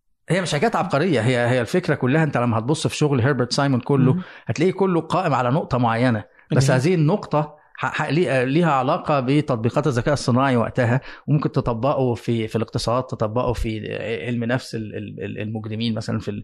بس هي. عشان كده الفكرة انت بتبقى هتتعمق آه بس هتتعمق في فكرة مش هتتعمق في علم هذه الفكرة تقدر تطبقها في حاجات كتير. ما ينفعش تقول أنا مهندس كهرباء مش هعرف غير الحتة دي بس لا انت هتقول آه أنا بعرف إزاي الأجهزة الإلكترونية ممكن تتداخل مع بعض وإزاي آه، قانون جديد ظهر في الفيزياء هيأثر عليا وهكذا. لأن في الآخر حاجة زي علوم الحاسب مثلا computer science ده في الآخر خرج من رحم الرياضيات. وأغلب الناس اللي هي بت- بت- بتشتغل في ال computer science الجيل الجديد ده كله ما يعرفش حاجة في الرياضة. ما يعرفش غير بعض الحاجات ال- يعني ال- ال- الصغيرة. الهندسة الكهربائية دي خرجت من رحم الفيزياء. والفيزياء بتعتمد كثيرا جدا على الرياضيات. فالعملية كلها ده يعني أما تبص على الجسم البشري الجسم البشري ده في الآخر آه، مكون من خلايا وفيها ال DNA ونقدر نطلع منها ال RNA ولما تخش شوية ده كده بيولوجي. وبعد كده ال interaction ما بين الخلايا مثلا الخلايا العصبية وكده ده كيمياء. وبعدين لما تخش شوية هنبتدي نخش ال- ال- الجزيئات دي فيها إيه؟ ذرات. الذرات دي هتخش subatomic دخلنا فيزياء والفيزياء إحنا قلنا بتعتمد على الرياضيات. فكون ان انت ماسك حاجة واحدة بس وما انتش عارف إيه اللي بيحصل حواليك في الحاجات التانية ده شيء سيء جدا. ولعلمك كل ده إحنا بنتكلم في العلوم الطبيعية. العلوم الإنسانية. وفي ناس طبعا ممكن فلسفيا تتخانق إن دي مش علوم وإن دي بس انت في نفس الوقت البني آدم كبني آدم ده ليه في علم النفس. ال interaction ما بين بني آدم وبني آدم تاني وكذا بني آدم ده sociology علم اجتماع تمام؟ آه انت آه فما يعني انت عندك مثلا آه في كتاب كان يعتبر كلاسيك كان ظهر من كام سنة اسمه wisdom of the crowd يعني حكمة الجماهير. معناها إيه؟ معناها ان انت ممكن كام واحد كده معاك تطرح عليهم سؤال ما وهم آه، كل واحد فيهم هيقول لك إجابة. في في بعض الم- ال- ال- ال- المشاكل العلمية لو انت قدرت تحط الإجابات دي مع بعض بطريقة ما هتطلع لك إجابة أحسن من كل الإجابات دي. وهو وال وال وال وال CIA جربت حاجة زي دي. يعني جابوا جابوا ناس عادية آه، وقالوا لهم ده كان وقتها قبل ما في الفترة مش متهيألي 2015 أو 2014 لما روسيا كانت آه، بان هتخش أرمينيا أو حاجة كده مش فاهم. فجابوا ناس عادية قالوا لهم بصوا إحنا عايزينكم في اليوم كذا تقولوا لنا هل روسيا هتخش هذا المكان ولا لأ. بس أنا مش هديك أي معلومات سرية أنت خش اعمل جوجل ولا بينج ولا ما أعرفش إيه ودور وقول لي. ولقوا إنه جربوا الحكاية دي في كذا حاجة ولقوا إن الناس العادية لما هم بيجمعوا آرائهم بيبقوا أحسن بحوالي 30% من الناس المتخصصة ال analysts اللي في ال CIA اللي عندهم معلومات. وأديك معلومة تانية الكتاب بتاع Wisdom of the Crowd ابتدى بمثال ظريف جدا تشالنجر اللي طلعت وانفجرت فوق دي. لما انفجرت هم قالوا في ثلاث شركات اشتركوا في بناء تشالنجر لاحظوا إنه بعد مدة قليلة كام أسبوع كده ال stocks بتاعت شركة منهم قلت جدا عن الباقيين. كانت لسه الناس ما طلعتش التقرير بتاعها ولا يعرفوا كان لسه بيدرسوا إيه الموضوع. بعد ما التقرير ظهر وكان على فكرة ظهر بطريقة ميلودرامية جدا في البيت الأبيض لما ريتشارد فاينمان حط لهم البتاع في كوبايه المية والكلام ده كله. المهم لقوا إن الشركة دي فعلا هي كانت الغلطة منها. طب الناس العادية ما ال stocks دي في الآخر بتعتمد على إيه في سوق المال؟ على الناس بتشتري وبتبيع اللي هي الناس العادية. فالناس العادية إزاي كده من غير ما بيفهموا أي حاجة؟ خلوا الستوكس بتاعت الشركة. فأنت سأل في بس طبعا ده مش أي حاجة ينفع تعمل بيها الحكاية دي. يعني أنت في الآخر لازم تبقى في في صفات معينة للمشكلة اللي أنت عايز تحلها صفات معينة في الناس اللي أنت هتاخد منهم الإجابات وهكذا وكتاب بيشرح الحكاية دي. فأنا شايف إنه عشان نوصل للرفاهيه اللي إحنا محتاجينها فعلا عودة إلى الذكاء أنت محتاج مش بس أجهزة كمبيوتر فائقة الذكاء لا أنت محتاج إزاي هذه الأجهزة تتعامل مع البني آدمين بأحسن طريقة ممكنة. الاثنين ابتدت بقى تظهر كتب جديدة إن إزاي البني آدمين يتعاملوا مع اجهزه الكمبيوتر اللي هتبتدي ولسه في كتب قربت تنزل كمان في الأسبوعين ثلاثة الجايين عن التعامل ما بين البني آدمين واجهزه الكمبيوتر. هو ده اللي ممكن يوصل للرفاهيه من غير ما ندي للكمبيوتر أكثر مما يجب من من حيث ال control يعني. طيب آه، في قبل شيء انت نقطة ذكرتها ولعلها واحدة من ال- الهموم اللي أنت تحملها اللي هو هم التعليم. آه. التعليم. فعندك أنت تتوقع أنها يعني إذا بنلخص مشاكلك مع التعليم أنها مشكلتين okay؟ عندك مشكلة الأساسية الأولى اللي هي عدم تكامل العلوم مع بعض في المدارس. فتقول آه، في مقالة يعني مقالاتك موجودة ب- كل ما ذكرناه حتى الكتب وكل الأشياء بتكون في وصف الحلقة. فتقول عندما يدرس الطالب عدة مواد في كل فصل دراسي فإنه يدرسهم كأنها جزر آه، منفصلة. بالضبط. ولا يرى التكامل بينهم. المدرسون نفسهم في أغلب الأحيان لا يضعون هذا التكامل في الاعتبار عندما يدرسون مادة معينة فمادة الكيمياء هي كيمياء فقط والفيزياء هي. فيزياء فقط. ولكن أين يلتقيا وكيف يتكاملا فهذا لا يدرسونه. آه كيف تشوف مفترض أنه يكون يعني شكل التعليم؟ إذا أخذنا مثلا على التعليم العام يعني وهذا هو الأهم. تمام. هو أنت اولا العملية بتبتدي يعني إيه من من أول الحضانة وإحنا طالعين. فأنت لازم اولا تنمي الفضول عند الأطفال إن هو يحاول يسأل ويسأل في أي حاجة. ويعني ويستحسن ما يبقاش في حتى امتحانات في أول كام سنة. لأن أنت كده بتعلم الطلبة أو الأطفال يعني إنهم يخافوا وان هتبقى الهدف الأساسي إن هو يجيب درجة عالية. لا أنت عايزه يسأل ويعرف الحاجات كلها بتتحرك إزاي مع بعض ومش عارف إيه. ويبقى في خريطة معرفية قدامه نقول له بص أدي العالم كله أهو والعالم ده فيه بص فيه نباتات وفيه حيوانات وفيه البني آدمين البني آدمين فيه مش عارف علم اجتماع وهكذا خريطة. كل ما بيجي ياخد مادة بقى دراسية نبتدي يعني يتطور ويتدرج في السلك التعليمي نقول له بص المادة دي مكانها أهو في الخريطة المعرفية. طبعا ممكن تبقى خريطة معرفية مبسطة طبعا في المدرسة غير الجامعة. ونقول له بص أنت اللي أنت بتدرسه بيدرس الحتة دي والحتة دي بقى بتتأثر ببقية المعلومات في الخريطة بالطريقة الفلانية وهكذا. ده من وجهة نظري مش حاجة سهلة لأنك هتحتاج إن أنت تدرب المدرسين نفسهم على الطريقة دي. وفي نفس الوقت محتاجه نوعية مختلفة من الأسئلة من طريق وضع الامتحانات ويعني لأن العملية خلاص إحنا عمالين نمتحن بطريقة خلاص عفى عليها الزمن. في العالم كله مش بتكلم على دولنا العربية بس العالم بدون كله. شك يعني هي هي اتسوت بشكل معين و... وبالظبط وفضلنا عليها كده زي زي ما هي. وبعدين في حاجة تانية ممكن نستخدم دلوقتي أجهزة الكمبيوتر في التعليم الشخصي. انت دلوقتي الوضع الطبيعي إيه الوضع العام اللي موجود ان في واحد واقف في قاعة المحاضرات أو قاعة الدرس بيقول كلام لناس قاعدة قدامه. بس الناس اللي قاعدة قدامه دول كل واحد فيهم بيتعلم بطريقة مختلفة. في واحد بيتعلم عن طريق الكتابة واحد بيتعلم عن طريق الرسم واحد بيتعلم عن طريق إن هو يعمل بإيده. فأنت الفكرة إن الطريقة القديمة دي ما عادتش برضه تنفع. أنت محتاج personalized education. فمعناها إن أنت محتاج أجهزة مش أجهزة يعني محتاج برامج software بالإضافة إلى اللي أنت بتقوله للطلبة هو بيقعد معاه بقى في البيت أجهزة ال software دي بتحط بتقول له طب أنت بقى بتفكر بالطريقة الفلانية طب أنا هدي لك بعض المسائل أو هشرحها لك بالطريقة الفلانية فبتخليه هو يعني إيه يتعلم بالطريقة اللي هو عايزها. زي ال personalized drug زي لما ادينا المثال بتاع السرطان فأنت ودي عملية صعبة دي عملية بس متهيألي إن ال business ده هيظهر قريب ال personalized education أنت دلوقتي تعليم ش... لشخص معين معمول آه بالطريقة اللي هو نفسه بي... فهنا بقى لازم نعيد منظومة التعليم كلها. المدرسين هيبقى دورهم إيه؟ اجهزه ال software هيبقى دورها إيه؟ طب أنت هتقيم الطالب إزاي؟ لأن مم. انت في الآخر إحنا يعني في مره كنا بنقول إيه آه عايزين بقى ننسى حكاية انه لما يبقى في آه وظيفة ما يقول لك لازم يكون متخرج بتقدير امتياز أو جيد جدا. لا سيبك من الحكاية دي دلوقتي. الحاجة اللي تبقى الأحسن إن أنت وظيفة ما إحنا عايزين واحد بيفهم في واحد اتنين تلاتة أربعة. فلو في واحد ما معهوش حتى شهادة جامعية بيقدم لي في الوظيفة خلاص أنا هبص إذا كان هو بيعرف في واحد اتنين تلاتة أربعة وممكن أعينه. انت في الآخر عايز ناس بتفهم انت ما يهمكش ان في واحد جايب امتياز تقدير عام لأن انت أصلا نص المواد اللي هو بيدرسها دي مش هتفيده في شغلته معاك مثلا. فالعملية عملية هنا داخلة فيها كمان منظومة علم اجتماع لسبب بسيط إحنا إيه بلد شهادات زي ما بيقولوا الدول العربية كلها بلد شهادات. انت بس تخش هندسة وطب وبعد كده اعمل اللي انت عايزه ومش عارف الكلمتين دول يعني. حتى. كان في في مقال كنت كتبتها زمان اسمها منظومة خد شهادتك وبعدين اعمل اللي انت عايزه. ده ما عادش ينفع. يعني انت لو قلت لحد مثلا في أي دولة عربية تحب إن ابنك يطلع شاعر مثلا أو يقول لك لا لا بس هو يخش هندسة وطب أصل الشاعر ده ما بيأكلش عيش أصل مش عارف إيه الكلام ده. الحكاية دي بقى لازم تتغير. يعني آه، وهنا هتيجي تاني أهمية الخريطة المعرفية. لأن في الآخر الآداب والفنون والعلوم كلهم بيتكاملوا بطريقة ما. أنا لا أدعي إن أنا عارف الخريطة كلها بس في تكامل بطريقة ما فلازم الناس تفهم الحكاية دي. لغاية دلوقتي اللي إحنا بيحركنا الاقتصاد برضه. الشركات عابرة القارات ولازم تخش التخصص الفلاني عشان دول بيلاقوا شغل الشغل ده هيكسبوا فلوس كتير ومش عارف إيه من غير ما تشوف هو نفسه موهوب في إيه ولا هو نفسه بي يعني علشان كده أنت في واحد مثلا عايز آه، يبقى كويس في عايز يطلع عالم رياضي رياضيات مثلا.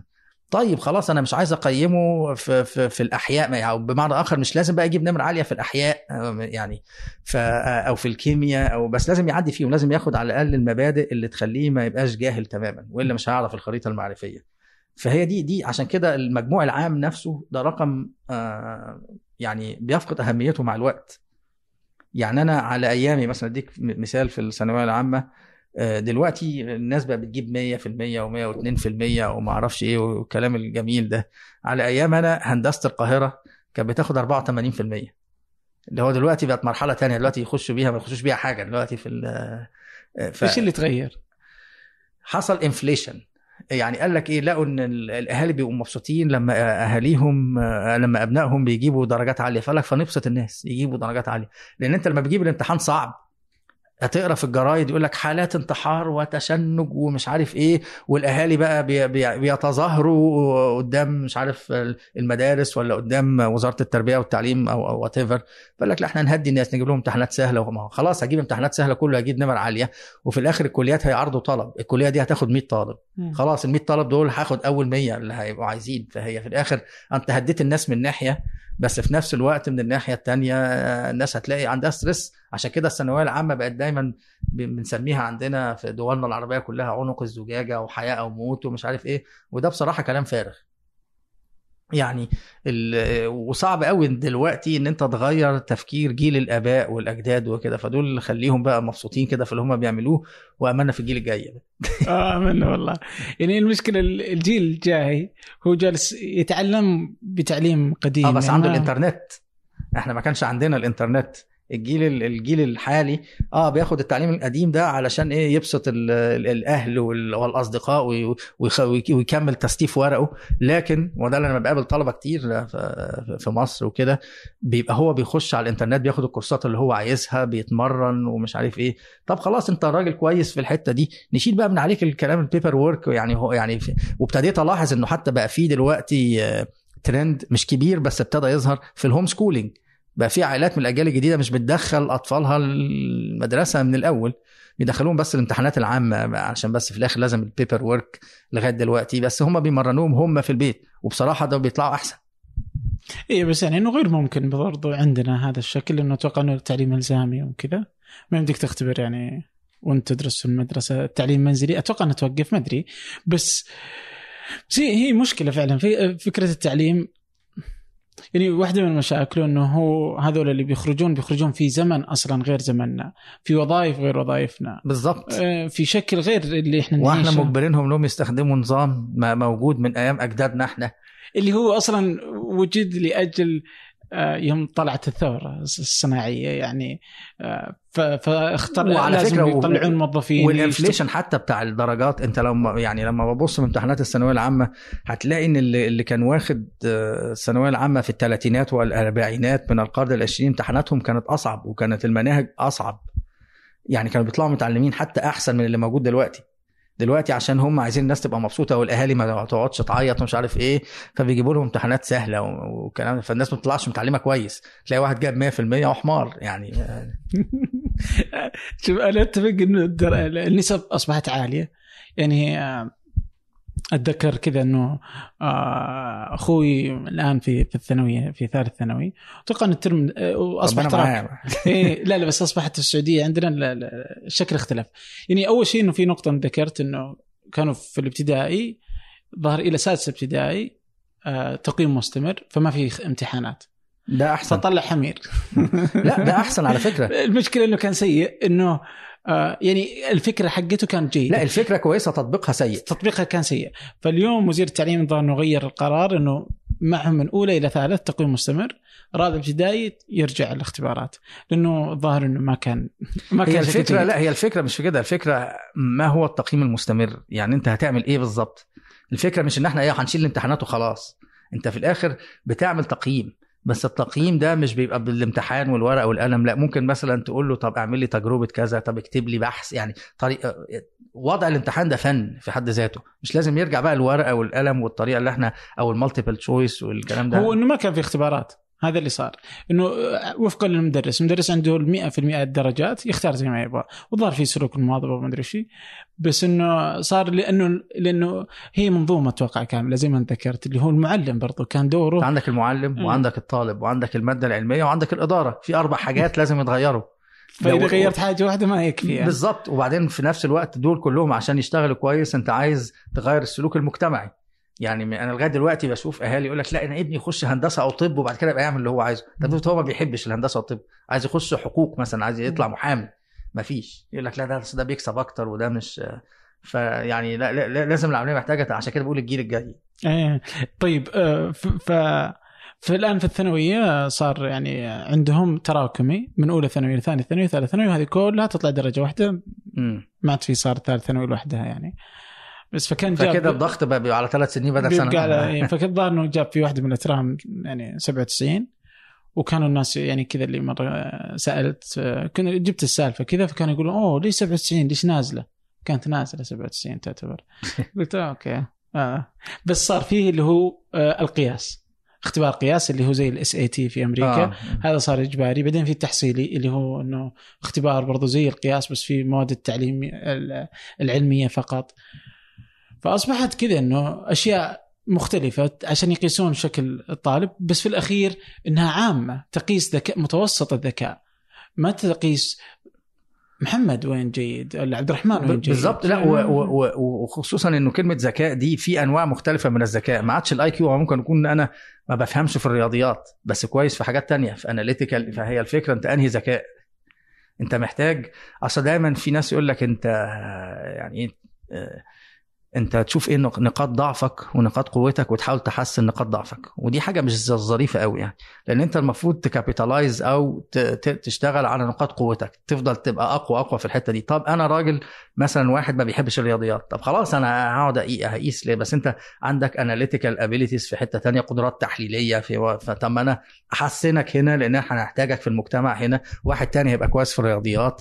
واحد تاني فالتعليم لازم من ضمن حاجاته استكشاف الطالب اللي قدامه عشان كده بقول تعليم شخصي. وتعرف إيه نقط قوته وفي هذه الحالة تركزوا على الحتة دي في الخريطة المعرفية من غير ما نهمل الباقي بس عشان يبقى عارف العملية ماشية إزاي. فده ده هياخد يعني مش هينفع تيجي تقول من السنة الجاية هنعمل كذا. لا العملية كلها نقاط صغيرة كده خطوات صغيرة لغاية لما نوصل للحكاية دي على الجيل الجاي. وأتفق يعني إنه مثلا حتى في العلوم الثانية يعني مثلا إذا أخذنا الفلسفه كعلم اليوم الشركات التقنية وعابرة القارات وهذه الشركات يعني أصبحت تحتاج ناس في في الفلسفة عشان الذكاء الاصطناعي عشان زي كذا. فأنت جالس تشوف إنه اليوم في أصلا هذا التكامل اللي بينهم بالظبط. إن في حاجة لهم.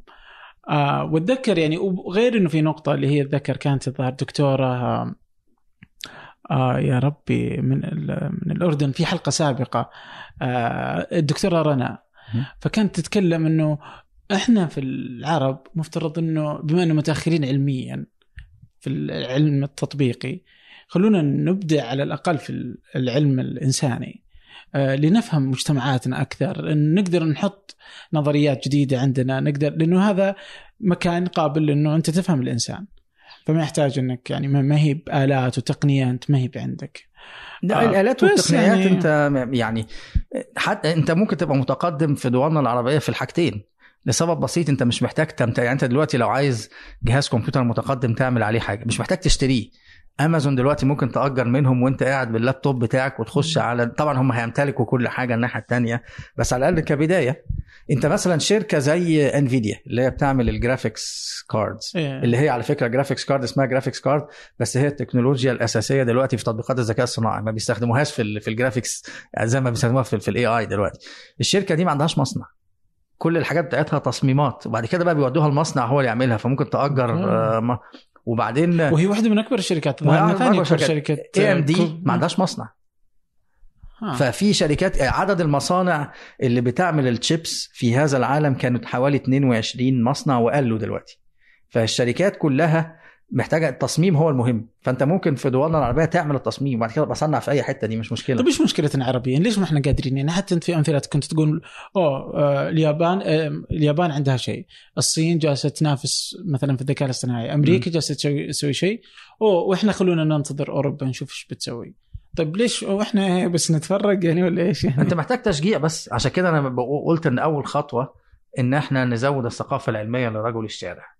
في هذه الحالة أنت اولا بتخلي الأهل لما تديهم ثقافة علمية ع- على مستواهم أو م- مبسطة هو هيقدر يوجه ابنه. وابنه دلوقتي عنده الإنترنت العملية مفتوحة قدامه فهيعرف إيه الحاجات اللي هو بيحبها. والحاجات اللي هو بيحبها دي هتبقى إرهاصة لنقط قوته اللي هو بعد كده تقدر تعلمه. فإحنا مفيش حاجة واقفة قدامنا. أنت الفكرة بس إن أنت تقلل ال distraction تقلل ال distraction يعني إيه؟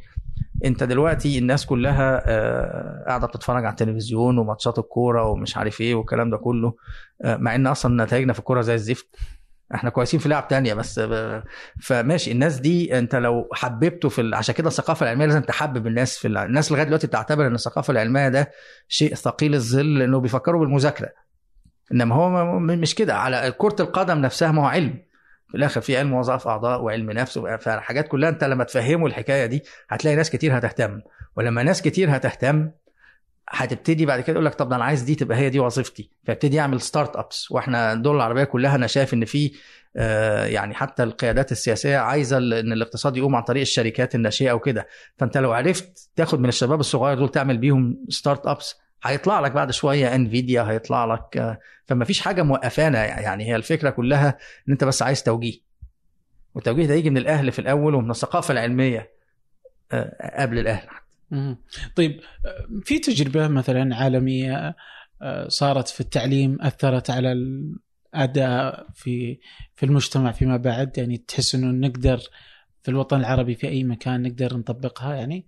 طبعا أدري إنك ضد آه، فكرة آه، تطبيق الأشياء الناجحة خارجيا كما هي آه ما بالظبط إحنا لو خدنا حاجة يعني أنت يعني آه، لو خدت حاجة ورحت مطبقها عمياني كده بلايندلي عندك مش هتشتغل. لسبب بسيط إن العملية بتعتمد على المجتمع. أنت بتزرع تجربة من مجتمع تاني في مجتمع مختلف.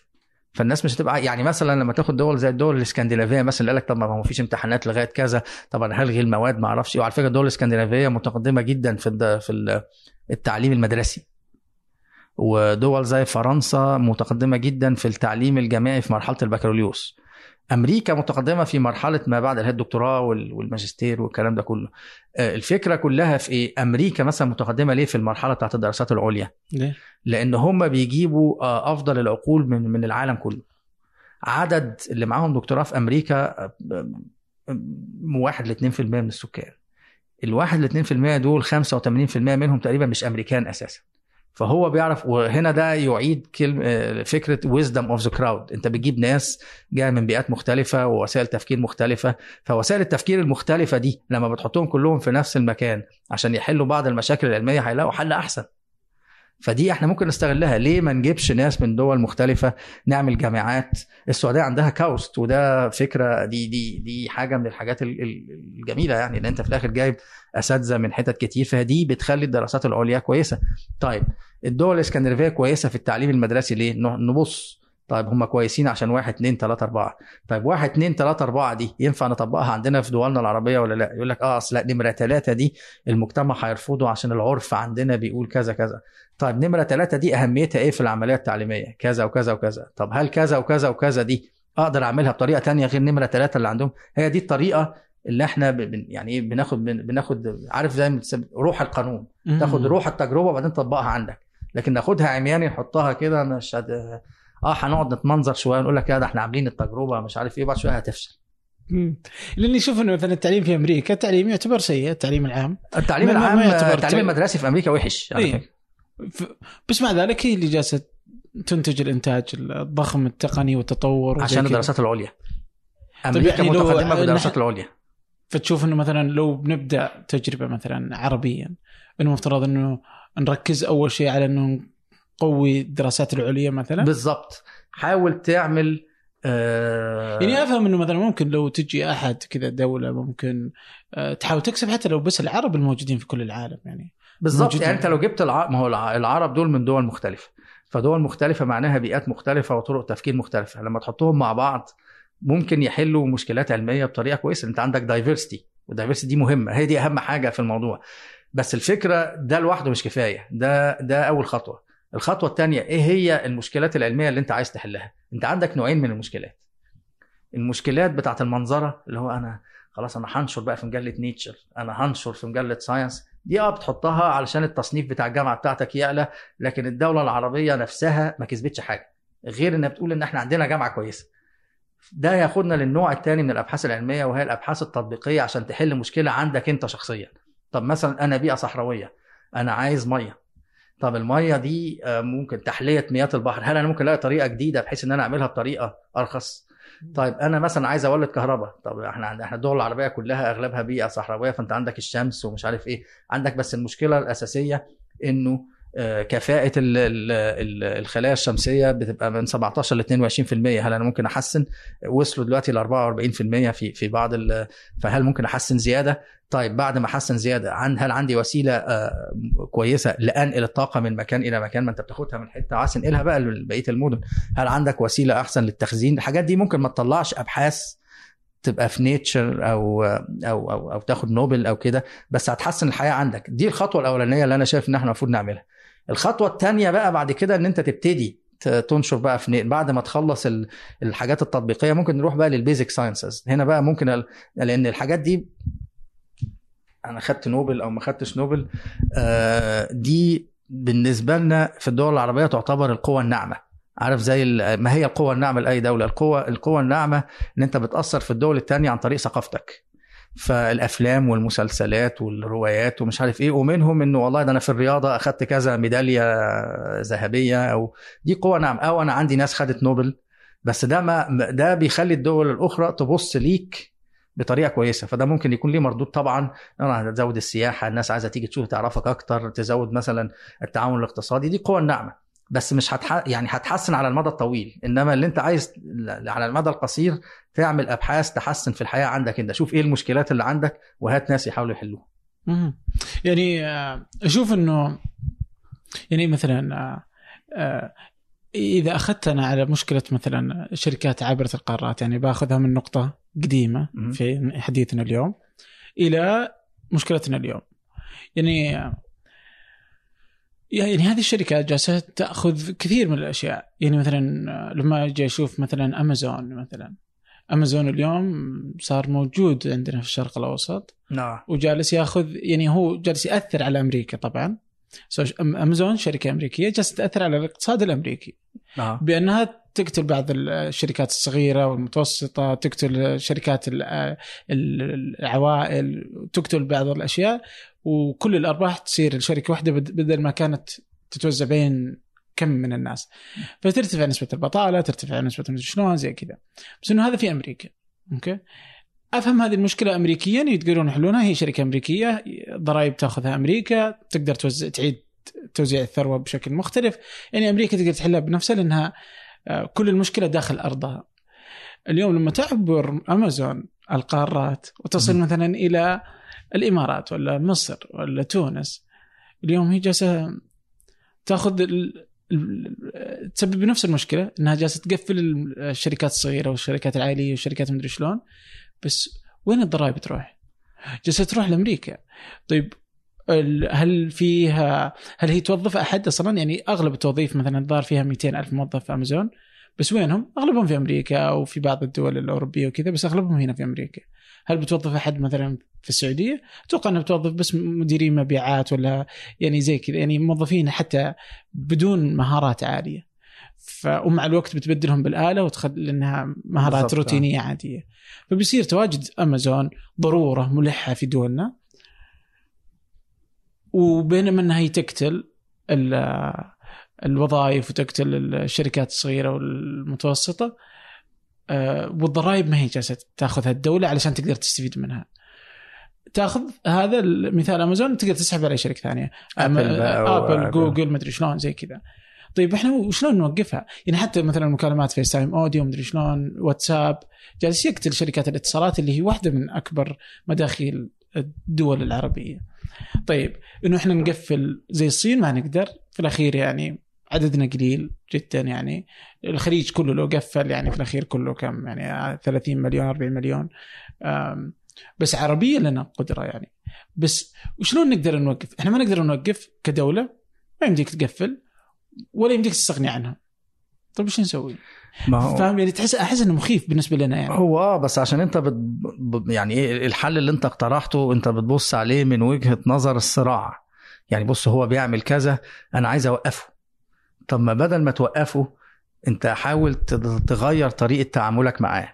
مثلا عندك ناس هيشتغلوا شوية في أمازون وهم قاعدين في السعودية أو قاعدين في مصر أو قاعدين في تونس. بعد شوية هياخدوا خبرة. انت في في في, في بلدك نفسها ما تاخد الناس دي تقول لهم آه بصوا أنتوا خدتوا الخبرة دي تعالى اعمل لي بقى startup تساعدني أنا في حاجة تانية. خلي امازون موجود بس انت اعمل startup على جنب.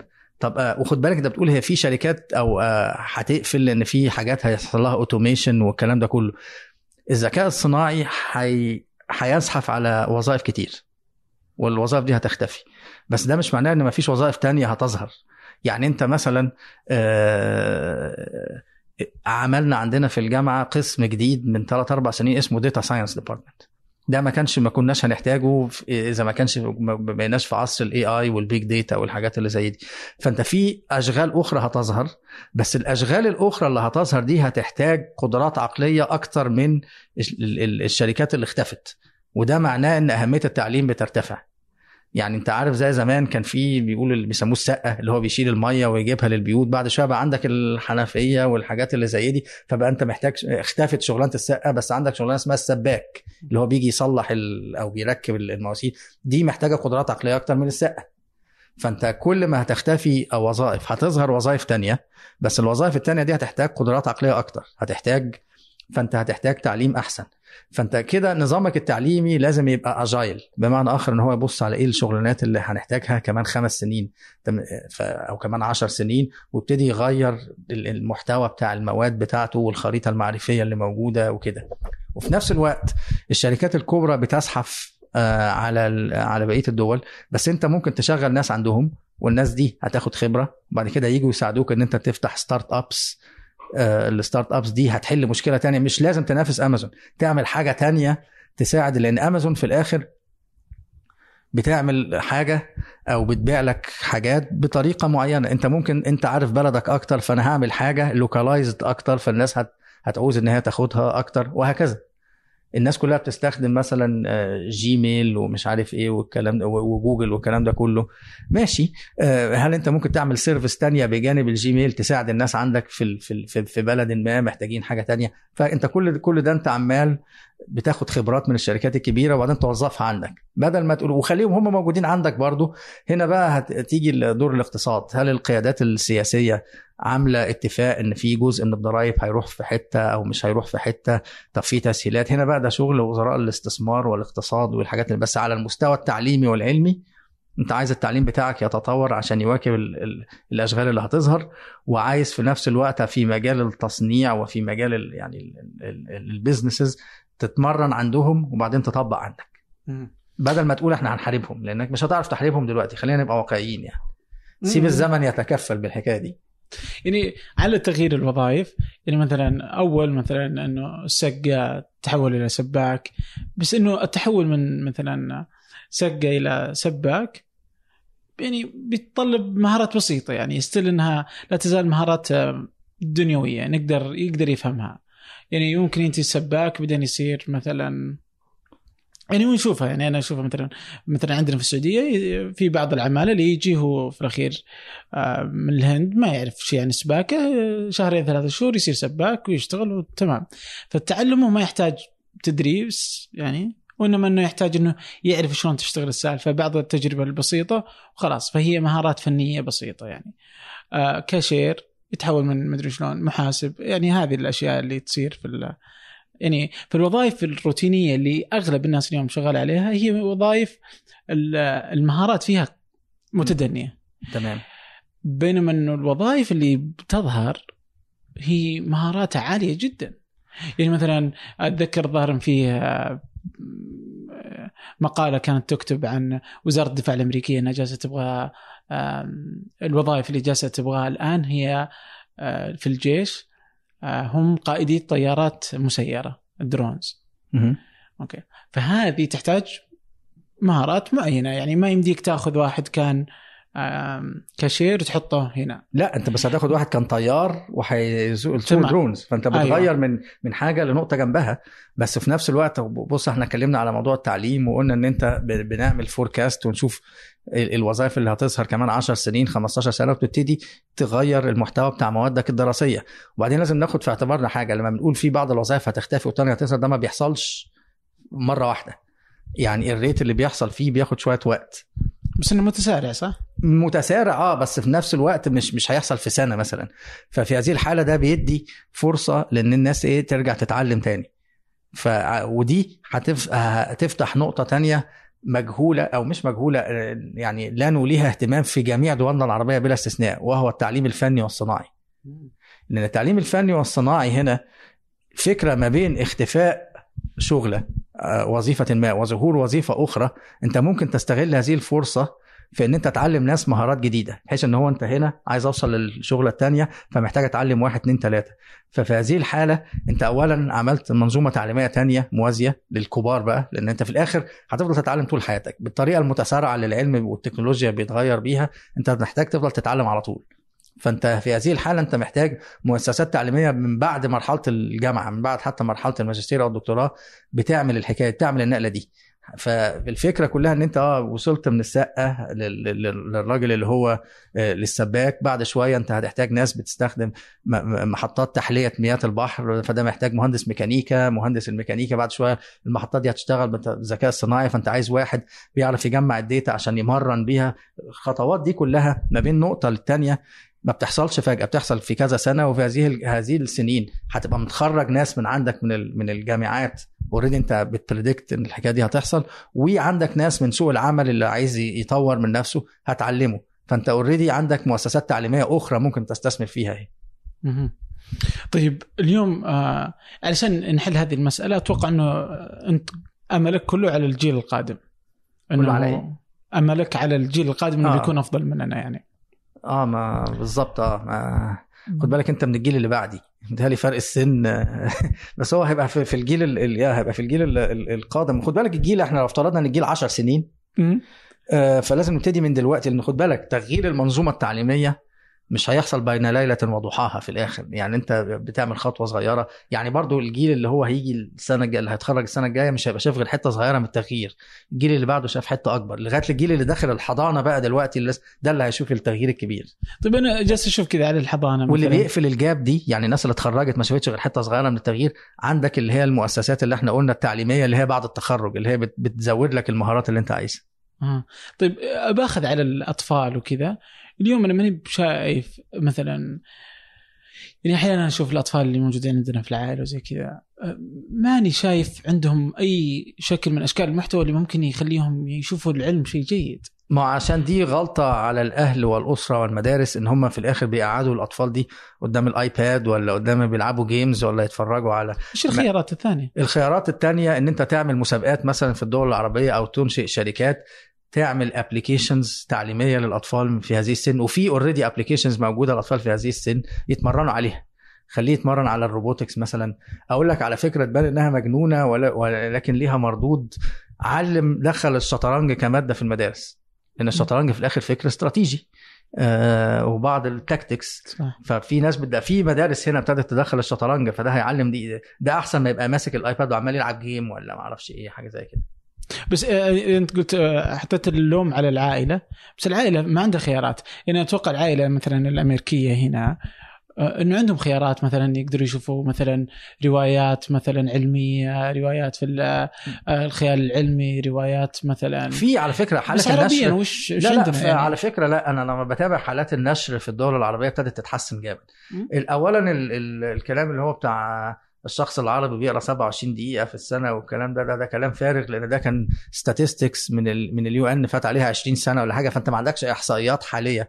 وبعدين لأ كمية الكتب آه أي نعم أغلب الكتب اللي أنا بشوفها بتظهر كل كام شهر بتبقى أغلبها روايات. بس على الأقل أهو في روايات في بعض الكتب يعني في العملية بتبقى بص معارض الكتاب اللي بتحصل كل سنة فيها فيها إقبال مش بس قليل. هل في شيء مثلا للخيال العلمي مثلا؟ عربيا؟ في؟ قليل في بس قليل. يعني أنا شفت وفي وبعدين أنت في نفس الوقت آه، عندهم خيارات الانترنت موجودة. آه، عندك في apps ممكن games علمية. تعلمك بطريقة. ده في ناس أساسا عامل أبحاث هنا بتستخدم ال games للاكتشافات العلمية. يعني بتخلي ناس كتير تلعب ال games وأنت بتلعب ال game ده أنت أصلا بتوجه الكمبيوتر يعمل حاجة معينة وهو بيجمع الحاجات دي من كذا لاعب عشان يوصل هو لاكتشاف تاني. ملوش علاقة بأنت بتلعب لكن هو بي فأنت لا عندك خيارات مع وجود الإنترنت. بس الفكرة إن الأهالي بتحاول تستسهل. تقول لك بدل ما الولد يقعد يعيط ولا ما أعرفش إيه هو يقعد يلعب game نفرجه على كرتون ولا ما أعرفش إيه. فهي دي مشكلة. يا إما ودي حاجة تانية أنا ما شفتهاش يعني ما شفتهاش كتير الحقيقة إن أنت لو عملت زي camps في الصيف ما هو بره بتعلم ناس حاجة أنا هعلمك مش عارف تصنيع ال robots أنا. هعلم اعمل لك مسابقات لل- للي يكتب application الحاجات دي وممكن تعملها من أول السنين الصغيرة لأن دلوقتي الجيل الجديد ده بيتعرض للإنترنت وكده من سن سنتين وثلاثه وكده فعقبال ما يوصل 8 9 بيبقى بيعرف حاجات مش قليلة يعني اي طبعا يعني فأنت ممكن توظف هذه ال يعني ال ودي كده إحنا قلنا على مؤسسة تانية ثالثه اهي. يعني انت إحنا بنتكلم على الجامعات والمدارس وبعدين قلنا على المعاهد اللي بتعلم الناس مهارات جديدة لما شغلانة بتخ... وعندك هنا اهو كامس أو مدارس آه، في الصيف بتعلم ال... ال... يعني المعسكرات الصيفية والشغلات اللي زي كذا ممكن تتغير وتصير بشكل كذا يدعم هذه ال- وتيجي تكتشف المواهب وتبلغ النتائج بتاعت اكتشاف المواهب دي للمدارس فتقوم المدارس تقول لك آه ده الطالب ده كويس في الرياضيات فأنا هديله شوية حاجات زيادة. ما هو ده بقى التعليم الأجايل اللي بي... آه. بس ده, بس ده, يعني هيجي بعد كده يعني بس أنا قصدي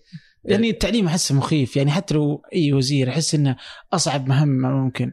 يعني كمية معلمين ما تدري شلون تتعامل معهم يعني ضخم جدا كمية التعليم آه، المعلمين الموجودين كيف إنك تقدر تطورهم مع آه، ال- الإدارات مع ما هي بقى مع المناهج يعني أنت تلاقيها من وين ولا وين يعني. أنت عارف أقول لك المشكلة في في, في إيه؟ أنت أما في أي دولة في العالم علشان تعين وزير آه الناس فاكرة إنك عشان تجيب وزير معين فأنت عايز وزير بيفهم في هذا التخصص يعني مثلا وزير الصحة لازم يكون طبيب بيفهم في الصحة. ده مش كفاية. انت عايز ثلاث حاجات في, في وزير. آه اولا بيفهم في التخصص. آه، وحتى لو ما بيفهمش قوي في التخصص في بعض الدول حتى آه، السويد ما كان وزير الدفاع أصلا ما هواش عسكري بس على الأقل عنده مستشارين فعنده المهارات الإدارية اللي يقدر يجيب بيها. بس مهم يا إما أنت بتفهم يا إما بتعرف تجيب ناس بتفهم في التخصص. دي نمرة واحد. نمرة اتنين إن أنت لازم تكون عندك القدرة والسعه إن أنت تتعامل مع البيروقراطية الخانقة اللي موجودة عندنا في الدول العربية كلها. ونمرة ثلاثة إن أنت تعرف تتعامل مع أي منظومة فساد تلاقيها في الوزارة بتاعتك. لأن أنت خد بالك لو لقيت فساد في حتة معينة وحبيت تشيله من الناس اللي هناك اللي بتستفيد منه هتحاربك اللي في المنطقة. فأنت لازم يبقى عندك وسيلة آه، يعني إيه إن أنت تاخد العملية خطوة خطوة. الحاجات دراستك دي مش هتمشي. مم. فلازم ثلاث حاجات أهو. التعامل مع أي فساد قد تلاقيه بطريقة آه، يعني استراتيجية. يعني ما ينفعش إن أنت تقول أنا هحرفد مش عارف مين هدخل مين. مش مش هينفع. الحاجة الثانية التعامل مع البيروقراطية. وعلى فكرة البيروقراطية دي خانقة في أغلب بص هنا في الحكومة الأمريكية عندهم الحكومة نفسها بيروقراطيين وكمية الورق والإمضاءات. يعني برضو الدنيا هباب يعني. آه، والحاجة الثالثه طبعا هي ال- ال- ال- الفيلد نفسه أو التخصص بتاع الوزارة. فاحنا يعني لازم الثلاث حاجات دول يكونوا موجودين عشان يبقى فيه وزير كفء.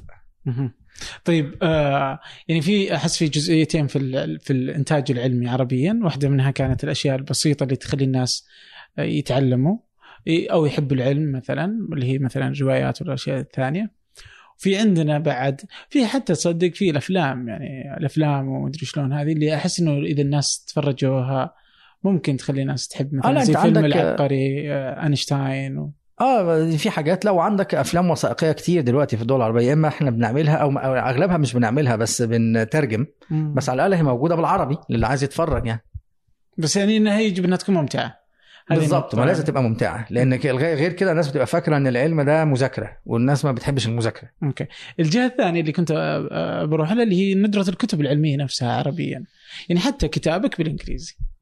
لا بس أنا كتابي مش للعامة أنا الكتاب اللي أنا ال 12 كتاب هنا ده. ما... ما- لا بس لا ده معمول لطلبة الدراسات العليا فما آه. ينفعش الرجل الشامع ما ينفعش حتى في بس طالب أنت تشوف إنه كل الدكاترة وال- والمفكرين العرب عادة آه، زمان كان في كتب علمية تخيل بالعربي. مم. يعني الدكتور علي مصطفى مشرفة مثلا كان عامل كتب العلم والحياة مع إن هي دي كانت تفريغ لأحاديث كان بيقولها في الإذاعة بس كانت موجودة.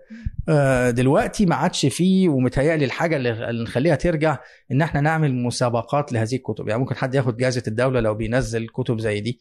إحنا كان عندنا الدكتور أحمد مستجير مثلا هو واحد من الناس القليلة اللي الله يرحمه اللي كان واخد جائزة الدولة في العلوم وفي الآداب. لأنه بينزل كتب تبسيط العلوم والحاجات اللي زي دي. فإحنا لازم نشجع الحكاية دي كتير. لازم نشجع في جميع الدول العربية. نعمل مسابقات مثلا نشجع أي حد عايز ينشر كتاب علمي للعامة مثلا. لأنه يعني أنا يعني في مجلة مثلا ال Scientific American آه بيترجموا في النسخة العربي Popular Science مسمينها ال- آه، العموم آه، العلوم للعموم. موجودة بالعربي برضو. في مجلة اسمها العلم بتنزل في مصر في مجلة اسمها Egypt Geography بتنزل برضو يعني يعني عمليه في في إرهاصات لبعض الأشياء بس ما فيش كتب زي ما أنت بتقول كتير فده اللي محتاج تشجيع من دور النشر ومن الحكومات. في مؤسسة ظاهر التطوير العلمي اللي في الكويت أو آه؟ ما المؤسسة موجودة من زمان. مؤسسة. التطوير العلمي بس الفكرة محتاجة تشجيع أنت محتاج على مستوى الدول العربية كلها مش دولة عندها مم. لأن هذا مهم أنا بس بس يعني يمكن لأنه هيمنه اللغة الإنجليزية هي الموجودة وأنت إذا تبغى آه، يعني هي بص تكون- هي الل- يعني آه، اللغة الإنجليزية هي لغة العلم من بعد الحرب العالمية الثانية. قبل. قبل الحرب العالمية الثانية كانت الألمانية هي لغة العلم. تمام؟ بس إحنا هنا بنتكلم على النشر العلمي.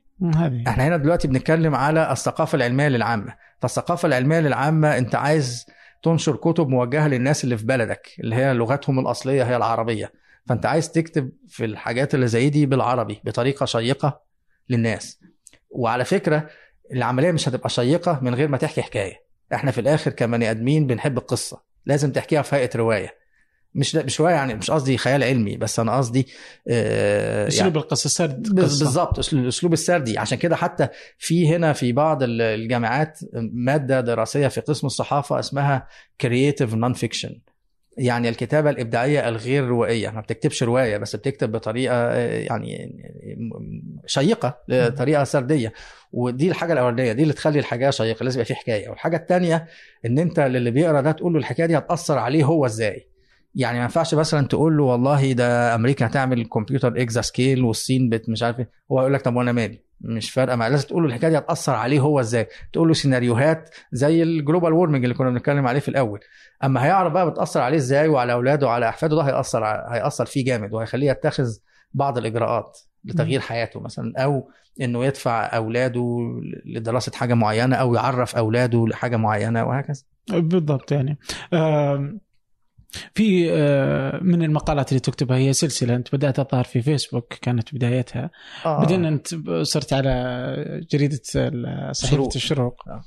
في مقالات علماء منسيين آه ما هي هي العملية ابتدت. كده وهرجع لها تاني غالبا لأنه آه، الفكرة إن إحنا دايما لما بتيجي سيرة العلماء في الدول العربية كلها بنرجع بقى للعصر الذهبي في أيام الدولة الإسلامية ونرجع خ- 500 و1000 سنة لورا الكلام ده مش هينفع لازم نبص في ال 100 سنة اللي فاتوا بس ونبص يعني أنا كتبت مقال معين قلت ال criteria اللي أنا هختار بيها الناس اللي أنا هكتب عنهم أوكي. لازم يكونوا في ال 100 سنة اللي فاتوا ولازم يكونوا نجحوا في دولهم العربية ما يكونوش سافروا بره ولازم ما يكونوش معروفين لأن إحنا already نعرف ناس وناس اتعمل عليها مسلسلات ومش عارف إيه. أنت عايز حد مش معروف وتوري بقى هو إزاي يعني إيه الإنجازات اللي هو عملها يعني آه، فأنت عندك مثلا زي الدكتور أحمد زكي عاكف طور مصلحة الكيمياء عمل أكاديمية البحث العلمي كان تاني واحد في أفريقيا ياخد دكتوراه العلوم بعد الدكتور مشرفة وعلى المستوى الأدبي هو أول من أنشأ مجلة العربي في الكو- الكويتية وفي في وقت ما كان آه، رئيس جامعة عين شمس لمدة سنتين.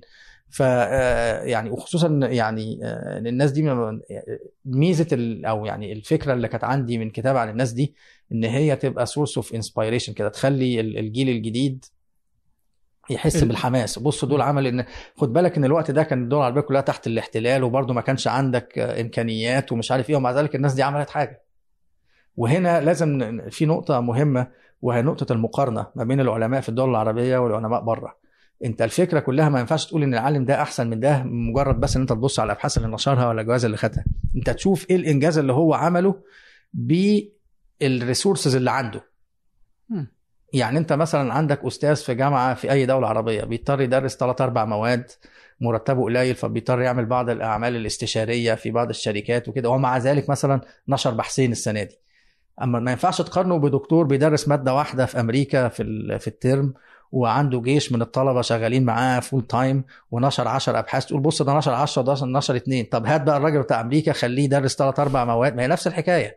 ما يعني زي ما بالظبط الناس تقول لك إيه لا بص المعيشة في الدول العربية بس قارنها بسويسرا مثلا. طب هات سويسرا دي حطها تحت الاحتلال وشوف هيحصل إيه. أمريكا مثلا لما حصل الريسيشن سنة 29 بص الحياة كانت فيها عاملة إزاي. بص الحكومة الأمريكية لما قررت منع الخمور في الثلاثينات الدنيا كانت عاملة إزاي. ده كان ال...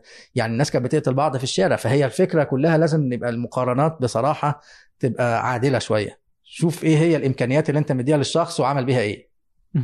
فايش الهدف اللي تهدف فيه من خلال يعني تحفيز الناس من خلال تحفيز الجيل الجديد تحفيز الجيل الجديد ولا حفظ برضو إنك تعطي هؤلاء العلماء برضو قيمة؟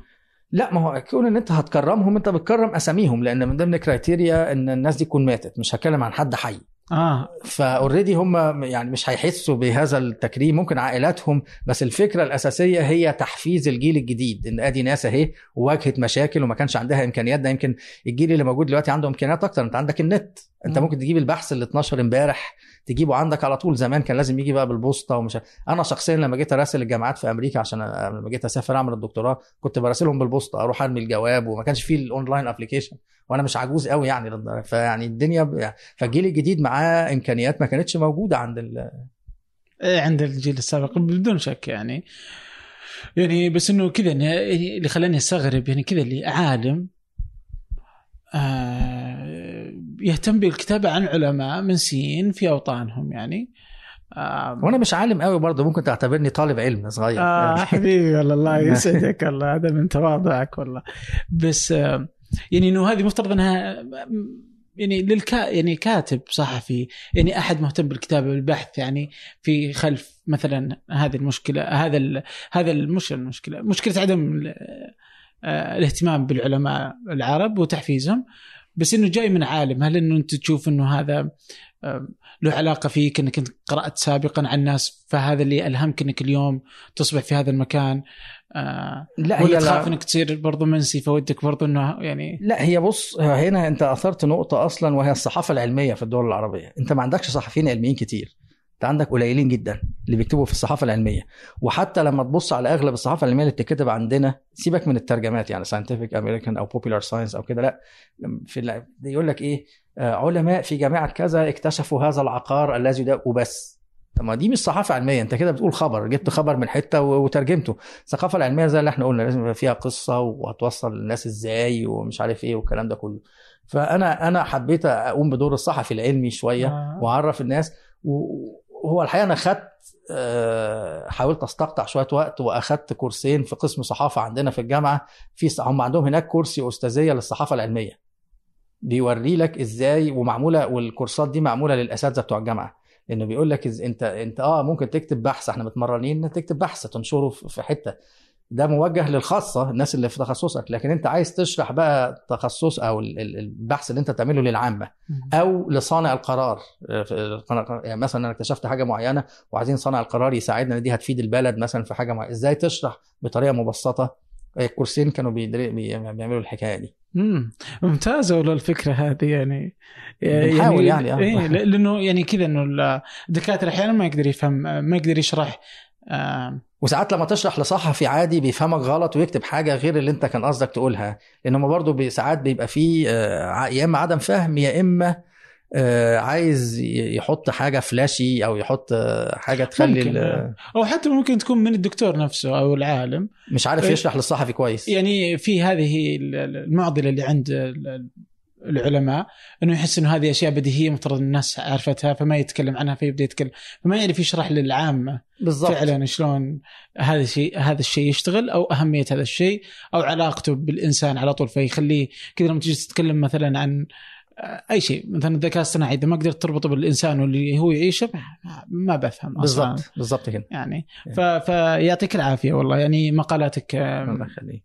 رائعة واهتمامك بالعلم والتعليم واللي جالس تصنعه حقيقة يعني الله آه، شكرا يعني يبهج الصدر آه، بحط كل ال- ال- الروابط موجودة في وصف الحلقة آه، أنت موجود على فيسبوك فقط تويتر لا صح؟ لا موجود على تويتر برضه. تويتر بس؟ على تويتر آه، تويتر أغلب ال tweets بتاعتي في التخصص قوي يعني معمولة آه. لل فبس موجودة فاللي يوصل لك يوصل لك يعني فيسبوك يقدر يسوي متابعه آه، إحنا له. already موجودين على فيسبوك صح. بس هو أنا فيسبوك آه أنا بفكر أعمل صفحة على جنب أحط فيها بقى المقالات والحاجات اللي زي دي آه لأن فيسبوك آه، صفحتي أنا قافلها على الناس اللي قابلتهم شخصيا. يعني هتقابلنا ممكن نبقى مع بعض بس يعني مش مش للعامة قوي يعني. آه. بس فاللي يبغى يوصل لك ممكن أنا هعمل صفحة؟ اوريدي أحط فيها المقالات وال... ممتاز. فأضع كل هذه في وصف هذه الحلقة. شكرا جزيلا دكتور. شكرا شكرا الله يخليك. شكرا لكم. شكرا للإعداد ريما طلال ومازن العتيبي آه، خلف الكاميرا والتصوير صادق الدرازي التنسيق عبد الرحمن منصور وتحرير ال- الفيديو والصوت صالح بسلامة وإدارة إذاعة ثمانية مازن العتيبي هذا فنجان أحد منتجات شركة ثمانية للنشر. ننشر كل الإنتاج بحب من مدينة الرياض.